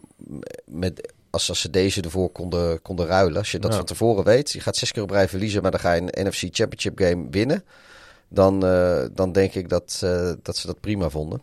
Nou, en aangezien hij zo belangrijk voor jou is, misschien kun jij even ja, voorlezen wat Stafford na de wedstrijd zei in jouw beste Engels. Ja, nou ook Stafford heeft mediatraining gehad. Uh, I'm so proud of this group, zei hij. Uh, we had high expectations all year. Uh, done nothing but everything in our power to try and meet those. Nou ja, dat is ook wel een beetje waar. Vanaf vanaf ja. augustus, eigenlijk dat het seizoen op het punt van beginnen stond, werd bij heel veel mensen, ja, stonden de Rams toch, toch te boek als favoriet. De matchup McVeigh-Stafford, die werd door heel veel kenners als, als iets om je vingers bij af te likken, was, het, was het vooruitzicht van heel veel kenners. Dat is misschien niet helemaal uitgekomen. Nou ja, bij vlagen wel, maar... Uh... Want je kan, de Rams, het was geen walk in the park. Ze hebben toch twee weken op rij het ongelooflijk lastig gehad. Nee. Het had twee keer op rij ook anders kunnen aflopen. Nou, nee, dat klopt. Dat, dat klopt zeker. Kijk, het is niet... Uh, ze hebben niet even die, uh, die, de, EFC, of de NFC gedomineerd. De EFC ook niet trouwens. Maar...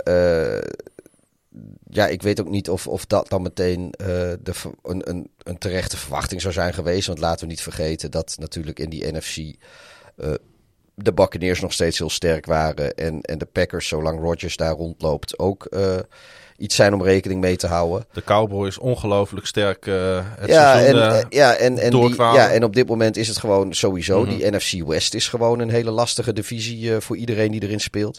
Maar goed, ja, hij... Hij, had, hij, is, hij is er blij mee, want hij had een terrific group, heeft hij het over.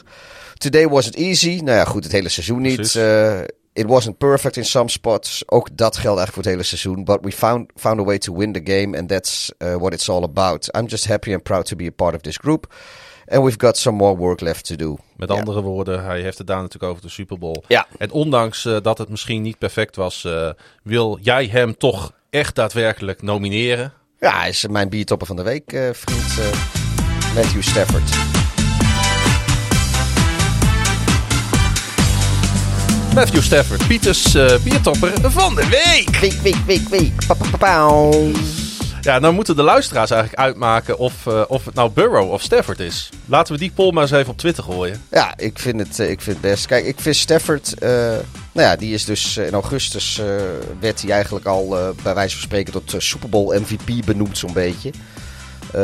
ja, het was niet makkelijk dit seizoen. Maar wat ik, wat ik wel mooi vind is dat uiteindelijk doet hij het toch het is ook niet zo dat hij. Uh, tuurlijk is, is het een heel getalenteerd team, die, uh, die Rams. Maar hij is uh, zelf.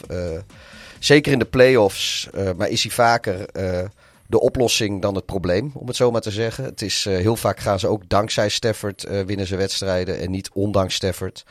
natuurlijk spelen de, de Aaron Donalds.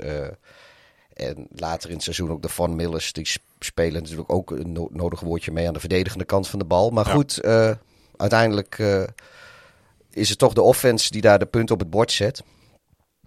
En ja, ik, ik vind het gewoon wel, wel knap. Weet je, heb je, zo lang heb je daar in Detroit uh, gespeeld en bak je er eigenlijk sportief niet zoveel van. En, en een heel groot deel van de league is ervan overtuigd dat er meer in je zit. En ook ondertussen, na al die jaren, is een heel groot deel van de volgers van de NFL. Die hebben zoiets van: ja, die Stafford, dat is niet. Ik heb hem ook heel lang Pat Stafford genoemd, omdat uh, heel veel zijn statistieken kwamen in garbage time. Dat is ook logisch als je voor een team als de Lions speelt. En uh, nou, daar komt die trade dus een jaar geleden. En dan ga je spelen bij een kanshebber. En het eerste wat je doet is ook gewoon met dat team uh, naar de Super Bowl. Na 12 jaar Detroit Lions en een 0-3 record in de playoffs. Nou ja, ja, precies. Nu staat hij 3-0 in de playoffs ja. en, uh, en hij staat in de Super Bowl. En uh, ja, wat je ook verder van hem vindt, ja, weet je, dan, dan, dan maak je eigenlijk al je verwachtingen toch waar. En uh, ja, ben je wat mij betreft verdiend biertopper. En Burrow, die, die, die heeft zijn tijd nog wel. Ja, uh, ja, hallo. ja, nou ja, goed. Dat ik, ik, dit is mijn, uh, mijn motivatie. De uiteindelijke uitslag en, uh, en uitkomst zal precies zijn wat eigenaar Stan Kroenk in gedachten had toen hij het SoFi Stadium voor 5 miljard dollar liet bouwen. Hij gaf general manager Les Snead, die uh, die functie trouwens al had in St. Louis sinds 2012, de opdracht het roster op agressieve wijze te vullen met grote namen. En dat betaalt zich nu toch echt uit. Een Super Bowl in eigen stadion. En dat uh, voor het tweede jaar op rij. Uh, het gebeurt nog nooit. En opeens is het back-to-back. -back. Dat is ja. dan ook wel interessant, hè? Ja, maar goed, dat, ja, toevallig is het natuurlijk ook. Uh, ja, dat, kijk, de, de, de, de Rams, dat, dat was natuurlijk op voorhand de kanshebber. Uh, die zijn al goed vanaf, ook al voordat dat stadion er stond. Maar het lijkt wel alsof voor, bijna een soort van planning van Kroenk is geweest om het op deze manier te doen. Ja, dat klopt. Ik denk ook wel dat dat uh, echt wel meegespeeld heeft in, in, in hoe ze dus hun uh, dit jaar... Ze speelden eigenlijk al jarenlang een soort van alles of niets. maar nu nog meer. Maar kijk, toen, uh, toen bekend werd dat, die, uh, dat de Super Bowl in Los Angeles gespeeld zou worden dit jaar.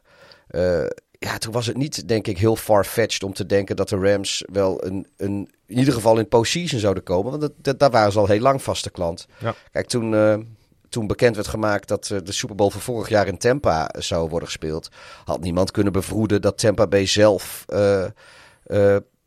daar zou gaan spelen. Want toen was natuurlijk dat, Tom Brady daar naartoe zou gaan. Dat was, was nog helemaal niet bekend. Dat, wist helemaal niemand. En Tampa was al jarenlang um, natuurlijk een beetje de kantlijn van de NFL. Dus uh, eigenlijk was hij vorig jaar wat veel onverwachter dan deze. Maar het is wel grappig inderdaad. Nog eerst gebeurt het nooit en nu uh, twee jaar op rij. Ja, daarvoor moesten de Rams wel uh, een achterstand van 17-7 aan het begin van het vierde kwart inlopen. Daar hadden ze ook wat mazzel bij nodig. Mazzel in de gedaante van 49ers safety Jaquaski Tard. Die een haast zekere interceptie liet vallen. Ja. Poh, dat was, uh, dat was een momentje. Want ja. uh, de drive bleef daardoor in leven. En mondde uit in een uh, 40-yard gay field goal. Waardoor het 17 17 werd. En uh, uiteindelijk was dat wel heel erg uh, bepalend en beslissend voor de wedstrijd. Ja, die Tart die, uh, die, die zal slecht geslapen hebben? Van, in de nacht van zaterdag op maandag, zondag op maandag. Ja, nee, dat klopt. Maar die momenten hebben natuurlijk altijd in in ja. de wedstrijd. Ja, nee, het is een hele dure, uh, hele dure uh, interceptie die hij laat vallen. Of mogelijke interceptie. En uh, als hij die, die wel vangt, ja, dan kijk je er inderdaad misschien wat anders tegenaan. Zoals, ja, sterker nog, ik, ik denk dat de 49ers dan de wedstrijd gewonnen hadden. Dus het is wel, het blijkt, ondanks dat een wedstrijd meer dan drie uur duurt voor de kijker, ja. blijft het een sport van nou, maar goed, ja, maar dat zagen we dus ook in de wedstrijd tussen de Bengals en de Chiefs. Als, uh, als ze daar op slag van rust uh, een, een iets zinniger playcall hebben. Uh, dan, nee, maar Reed heeft een hersenscheet en Mahomes die is niet bij machten om daar wat anders, want tenslotte mm. is hij degene die, die daar de bal heeft, die is daar niet bij machten om iets anders mee te doen. Ja, daar, dat, dat kun je ook zeggen, dat kostte, dat kostte daar de wedstrijd. nou goed, dat is hier... Uh... All the details, all the pieces matter. Ja, kijk, en, en dat Stafford uh, af en toe gewoon een, uh, een hele diepe bal gooit. En het is toch een gunslinger. Die, hij neemt risico's, dat, dat ligt gewoon in zijn spel. weet je, hij heeft geloof ik ook in de regular season... heeft hij volgens mij zijn 17 intercepties gegooid. hij gooit met Stafford. Maar hij ja. gooit ze niet in het mandje zoals bijvoorbeeld een Tom Brady... dat is de allerbeste dagen deed nee, maar hij, dat, hij, dat, heeft, hij heeft niet die precisie. Nee, maar hij gooit wel. Uh, zijn diepe bal is wel vrij, uh, vrij accuraat hoor. En hmm. kijk, hij heeft dan inderdaad wel 17 intercepties uh, gegooid dit seizoen. Uit mijn hoofd zijn er 17. In de, in de regular season in elk geval. Maar er staat dan ook tegenover dat hij de 42 touchdown passes heeft gegooid. En dat is. Hmm. Weet je, dat, dat lukt andere quarterbacks ook niet. ja, alleen Tom Brady heeft er 40 plus. Maar kijk, you, dat, als je als je vergeleken wordt met alleen Tom Brady en dan moet je het onderspit delven, nou dan heb je het uh, vrij goed gedaan als quarterback. Dat is ook waar. Uh, Geert-Jan die uh, bevestigt dat eigenlijk. Hij zegt mooi hoe journalistiek werkt. Nu werd Stafford, die ik het echt gun, bewierookt en Jimmy gevierendeeld ben ik niet helemaal met hem eens. Want er was wel heel veel respect voor hoe Jimmy G dit seizoen heeft gespeeld. Maar als start gewoon de bal vangt, hebben we het natuurlijk nergens meer over. En dat is ook hoe deze sport in elkaar zit. De Rams die kwamen een drive later weer in de red zone. Ik moesten opnieuw aanleggen voor een field goal. En dat bleek uiteindelijk de winnende te zijn. Ja, ik moet wel zeggen dat uh, de reden dat, dat mensen wat kritischer zijn op Jimmy G. Uh, en, en minder op Stafford is denk ik wel omdat uh, Stafford daadwerkelijk met grote regelmaat dit seizoen de wedstrijden voor de Rams heeft gewonnen. Terwijl Jimmy G, met alle respect, uh, voor, voornamelijk wedstrijden niet heeft verloren voor de Niners. En dat het uh, Jimmy G was niet een grote playmaker in, in San Francisco. Nee. En uh, natuurlijk heeft Stafford hulp gehad van, uh, van Cooper Cup. Maar hadden de 49ers verwacht aan het begin van dit seizoen, zeker na die 3-5 start, dat Jimmy G ze nog naar een uh, conference final zou brengen? Nee, nee, nee, natuurlijk niet. Dus op zich, nee, de, hij heeft het ook niet, hij verdient alle respect. Alleen, ehm, ja, weet je, Jimmy G is, is, is ja, hij is niet die, die, die speler die je echt over, over die bult helpt. En hij, maar hij maakt dan wel her en der zijn foutjes. En die, kost, die kun je dan ook zomaar de wedstrijd kosten. Ja. En uh, nou ja, dat, dan ga ik weer als. Ja, we hebben het nu weer over de, de vergelijking dan in dit geval met Stafford. Ja, weet je, als Stafford een interceptie gooit, dat is. Uh, sommigen zien er echt super slimiel uit. Hij heeft een paar van die intercepties. Maar ten eerste gooit hij ze vooral in de red zone. Dus dat uh, uh, levert niet direct punten op voor de tegenstander, maar het kost hooguit jouw eigen 10 punten. Ja, dat is nog steeds duur, maar potentieel minder duur. Uh, en het andere is, ja, als jij voor iedere interceptie die je gooit drie touchdown passes gooit, ja, dan maakt het niet zoveel uit. Maar als jij, als, als, als die verhouding minder gunstig is, ja, dan wordt het ook al snel weer duurder. Ja. Nog even een opvallende statistiek. Voor zondag waren de Rams 0-14 onder coach Sean McVay. Wanneer ze 10 punten of meer achter stonden aan het begin van het vierde kwart. Inclusief de playoffs. Inclusief 0-4 dit seizoen. En nu lukt het ze dus. Dus het is echt niet zo simpel wat de Rams hier hebben gedaan, nee. deze comeback. En ook nog tegen hun, uh, uh, uh, ja, hun nemesis, zeg maar. Hun angstkekener. Waar ja. ze dus al zes, zes wedstrijden op rij maar niet van wisten te winnen. Ik zei het een minuut of acht geleden al. En om daar even op terug te komen. Er veranderde wel wat in dat vierde kwart. Want Donald had in de eerste drie kwarten geen enkele quarterback pressure. En de Rams als geheel hadden slechts op vier van de 22 dropback pressure op Garoppolo in de eerste drie kwarten. Dus 18% van de dropbacks hadden ze pressure op Garoppolo. In het vierde kwart hadden de Rams echter zeven van zijn negen dropbacks pressie op de Niners quarterback. 77% van de tijd. Dus wel, ja. een, een, die, die defense is toch, heeft ja, op het moment op, ja. dat het erom ging, hebben ze een switch gemaakt. En hebben ze Garoppolo het vuur aan de schenen gelegd. En daardoor denk ik ook uiteindelijk deze wedstrijd. Want je nee, kan toch wel stellen dat de defense hier de wedstrijd heeft gewonnen voor de Nou Rams. ja, deels. Maar je kan hier dus ook stellen. Uh, je speelt hier om de NFC Championship game en een ticket uh, voor de Super Bowl. Ja, als jij uh, op nog geen één van de vijf dropbacks in drie kwarten lang echte druk ondervindt als quarterback, dan moet je meer doen. Dus dat, dat kun je, kijk, het is helemaal. Het, het valt uh, Garoppolo niet te verwijten dat hij in het laatste kwart met al die druk van, van die getalenteerde defense van de Rams er niet helemaal uitkwam. 1 uit 7 was hij op die place. Ja, dat, dat, dat, weet je, dat, dat kun je hem niet eens per se verwijten. En die, die interceptie, ja, weet je, hij had dingen anders kunnen doen. Maar gezien de situatie verwijt ik de, die hem ook niet. Want je moet risico's nemen. Nou, dat kan ook verkeerd uitpakken. Maar wat je dus wel kan verwijten is...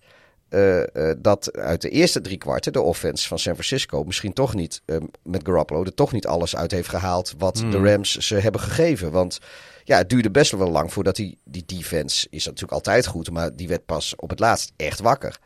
Ja, en dat, daar moet je denk ik meer mee doen in het begin van de wedstrijd. Als je Super Bowls wil, wil gaan spelen, dan moet je pakken wat je krijgt. En dan, dat nog, dan nog even naar dat duo Miller-Odell Beckham Jr. Want Von Miller, die een quarterback hit en een tackle voor loss noteerde, zei na de wedstrijd dat het toch wel surreëel was om de Super Bowl te bereiken met zijn goede vriend receiver Odell Beckham Jr. De twee zijn goede vrienden. Werden in november door de Rams naar LA gehaald. En staan wat mij betreft dan ook symbool dus voor die all-in aanpak van dat team.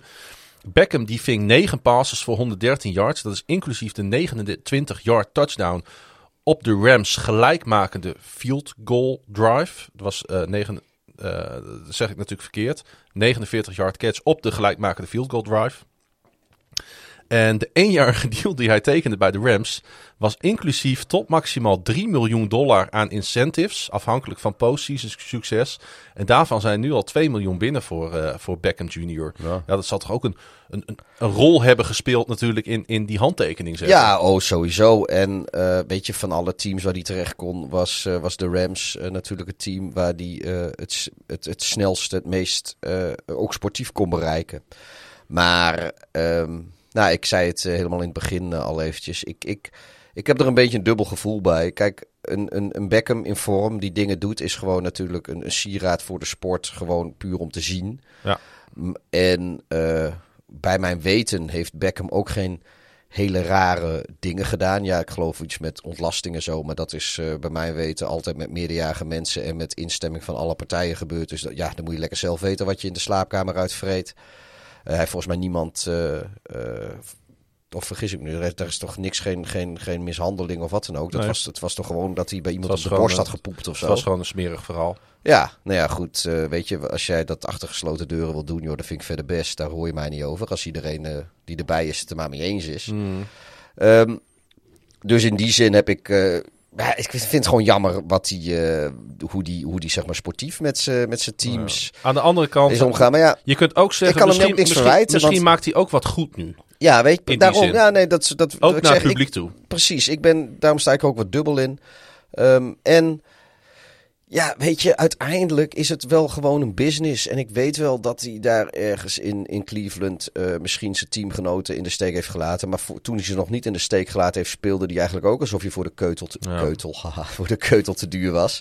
Maar eh, uit, weet je wat? Laten we niet doen alsof eh, als, het, als, als de Cleveland zelf al eerder dacht dat, dat, ze, dat het van hem, van hem af konden, dat, dat, dat ze dat niet gedaan hadden. Het is uiteindelijk gewoon een business, hè, wat, de, die hele NFL. En eh, als er echt op aankomt, moet je gewoon voor jezelf kiezen. En dat heeft Beckham gedaan. En eh, hij heeft de juiste keuze gemaakt. Want de Browns die hebben de playoffs niet eens gehaald. En hij staat gewoon gezellig in Los Angeles in de Super Bowl te koekeloeren. Even de podcast opbreken, want eh, de Rams die spelen voor de vijfde keer in franchise history eh, de Super Bowl. En voor de tweede keer sinds ze na het seizoen 2016 terug verhuisden uit St. Louis. Het team werd ooit opgericht als de Cleveland Rams in 1936. Tien jaar later werden ze de Los Angeles Rams, wat ze tot 1994 bleven. Van 1995 tot 2015 speelden ze in St. Louis. De franchise won in al die jaren slechts één Super Bowl. Op 30 januari 2000 in Atlanta door de Tennessee Titans met 23-16 te verslaan. Dat was dus als de St. Louis Rams. Met, weten we het nog, undrafted quarterback Kurt Warner als starter. Voormalig Amsterdam Admiral Kurt Warner. Zeker. Hey, Stafford eh, is de zevende quarterback die een eh, Super Bowl start in zijn eerste seizoen bij een team. Hij zal proberen om zich bij Brady, want die deed dat voor de 2020 Buccaneers natuurlijk. En Trent Dilfer, die voor de 2000 Baltimore Ravens speelde, te voegen als enige spelers die ook daadwerkelijk wonnen. Ja, en dan Trent Dilfer is denk ik nog steeds wel... Ik denk dat we daar ook wel unaniem Ja. zijn. De slechtste quarterback ooit die een Super Bowl gewonnen heeft. Ja, maar het is een beetje net als wat Stafford zei. Ja, hij, hij staat gewoon. Je staat er en je wint wel. Ja, Hey, dan nog even die 49ers, want eh, het was een bijzonder moment na de wedstrijd toen Jimmy Garoppolo op het oog rustig naar de kleedkamers liep, totdat hij general manager John Lynch, want zo heet hij Pieter, in het vizier kreeg en hem een eh, innige omhelzing gaf.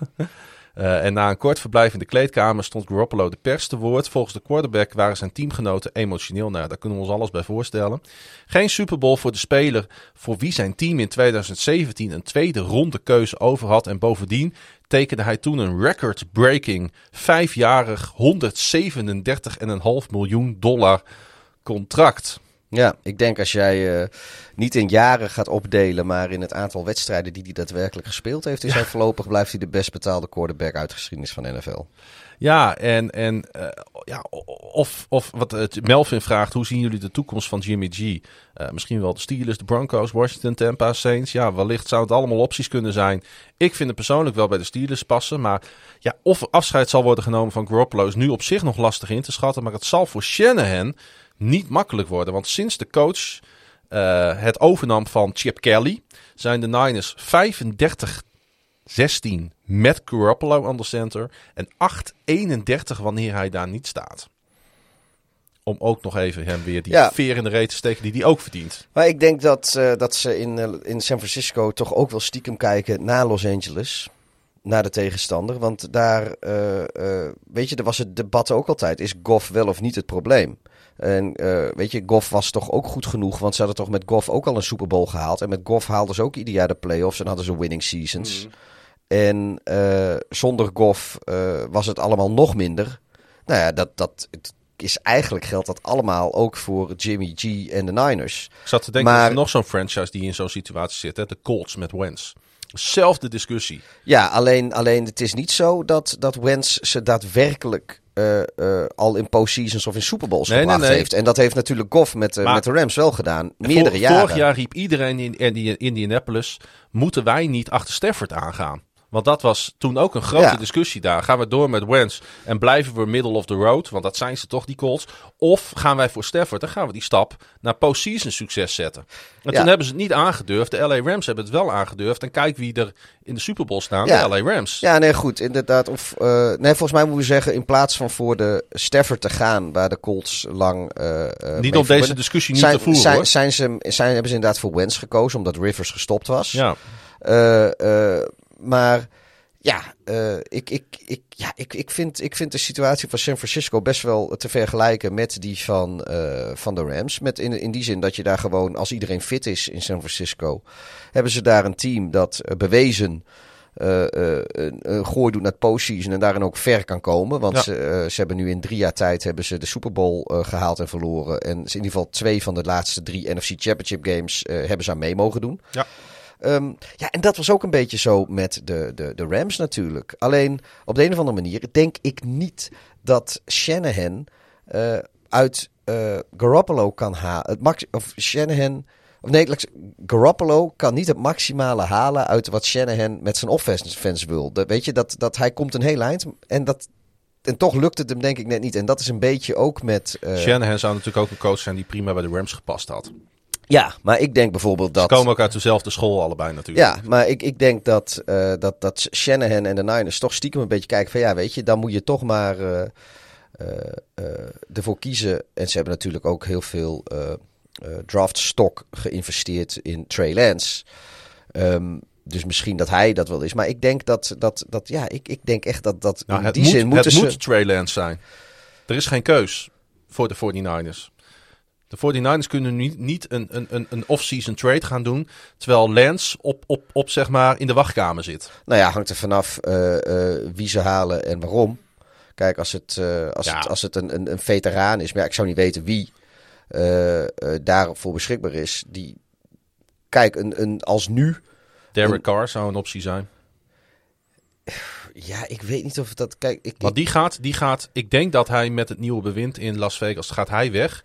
En die gaat ergens, gaat hij gehaald worden als bepalende quarterback. ik, ik, ja, ik, ik, ik, ik zou... Maar dan, dan doe je dat, terwijl, terwijl je inderdaad altijd draft capital hebt opgegeven Ja. vorig jaar om, om Lens te halen. Het is, ze zitten in een lastige situatie, ook eh, money technisch. Want Garoppolo heeft nog één jaar contract over met een cap charge van 27 miljoen dollar.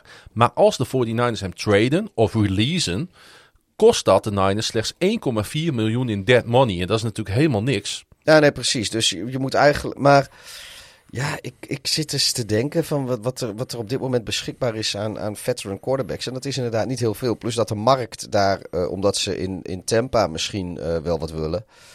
eh, in, in New Orleans willen ze misschien wel wat, hoewel ze daar eigenlijk niks kunnen betalen. Ik, ik vraag me ook af wat ze in Minnesota met Kirk Cousins gaan doen. Want het zou ook maar best kunnen dat ze daar klaar mee zijn. Maar goed, ja, ik, ik denk dat. Hmm. Nou ja, Wordt om, nog eh, interessant. om het eh, af te sluiten, eh, de woorden van left tackle Trent Williams er even bij pakken. I think he handled the season amazing. Nobody wants to be in the position he was put in. En daar heeft hij gelijk in. But, but you couldn't tell. Jimmy is a class act. He handled himself professionally every day. I'm proud of him. He's a brother for life. En dat zijn mooie woorden, dat zijn terechte woorden. ja, Want voor Garoppolo moet het ook niet altijd even makkelijk geweest zijn.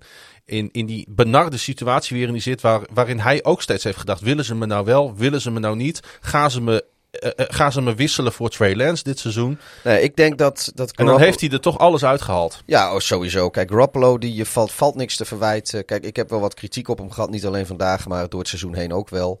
En voorgaande, se- voorgaand seizoen ook wel. Ehm, maar kijk, hij is. eh, hij heeft altijd zijn best gedaan. Hij heeft nooit verzaakt. Hij heeft nooit, eh, eh, ook al was zijn positie niet altijd makkelijk, of was er van buitenaf kritiek, of leek het zelfs of de organisatie waar hij voor speelde hem niet eh, als de nummer één zag. Hij heeft ze nooit moeilijk gedaan. Altijd is hij beschikbaar geweest als, hij, als hij niet geblesseerd Mhm. was. En op het moment dat hij werd opgeroepen om te spelen, dan speelde hij. En dan speelde hij ook letterlijk de ballen uit zijn broek. Nee, weet je, er, er is echt helemaal niks met Jimmy Garoppolo. Ik denk alleen dat, dat ja, weet je, hij zit niet in die, uh, in, ja, hij is gewoon net niet goed genoeg, denk ik, om, uh, om, om te, te kunnen doen wat, wat Shanahan wil met zijn offense. Dat is denk ik het ding. Of hij heeft in ieder geval niet die skillset. I've got no regrets from this year. Sloot Garoppolo de persconferentie mee af. En daar gaan wij ook deze reguliere podcast van NFL op woensdag, seizoen 2, aflevering 36 mee afsluiten, Pieter. 36 alweer. En uh, gaan wij uh, door naar onze extra podcast, waarin we het gaan hebben over Tom Brady, Bruce Arians, de Las Vegas Raiders, waar veel gebeurd is. We gaan het even hebben over de situatie in Seattle. We gaan het hebben over de Packers en de Bears, want die zijn onderling wat aan het uitwisselen. We gaan het hebben over Minnesota en Jim Harbaugh.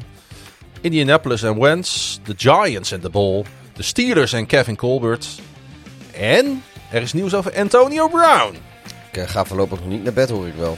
Nee, dat allemaal in de extra podcast die je kan beluisteren op nflopwoensdag.nl. Wil ons nou volgen op de social media, kan dat via Klaasje Gunderbladen, Kan ook via Darf. Laagstreepje hideous. En volg ons natuurlijk op de social media kanalen. Word lid van onze community. Daarmee uh, ondersteun je ons. Kunnen wij uh, toffe extra content blijven maken. En uh, ja, we gaan, we gaan ons verheugen op, op het grootste eendaagse sportevenement ter wereld, Pieter. De Big Dance, de Super Bowl. Ja. Ga, we gaan het gewoon doen. Schot voor de boeg. Wie gaat de Super Bowl winnen? De Rams. Ja, dat denk ik ook. ja, zal ik gewoon hier, nu gewoon Bengals zeggen? Oh, dat zou wat zijn. Kijk, heb je die beelden gezien van die cafés in Cincinnati? Ja, die mooi, met, mooi is dat, hè? Weet je nog, we keken samen. Ja, ja, ja. Dat weet dat. dat dat, dat, dat, dat, weten de luisteraars ook. Wat heb je verteld dat we dit samen zaten te kijken? Aan het gedempte Zuiderdiep 61 in het Groningse stadje G. Ik zou zeggen, schakel snel door nu naar nflopwoensdag.nl. Want uh, daar kun je nog even een uurtje extra podcast luisteren. Weet ik veel, drie kwartier. Ik weet niet hoe lang het gaat duren. Ja, dat zal wel anderhalf uur worden. En we zijn uh, denk ik ergens over anderhalf week of zo wel terug met een, uh, met een preview showtje op de Super Bowl. Ja, komt vast goed. Ah, Oké, bedankt voor het luisteren naar seizoen 2, aflevering 36 van NFL op woensdag. Beste mooie.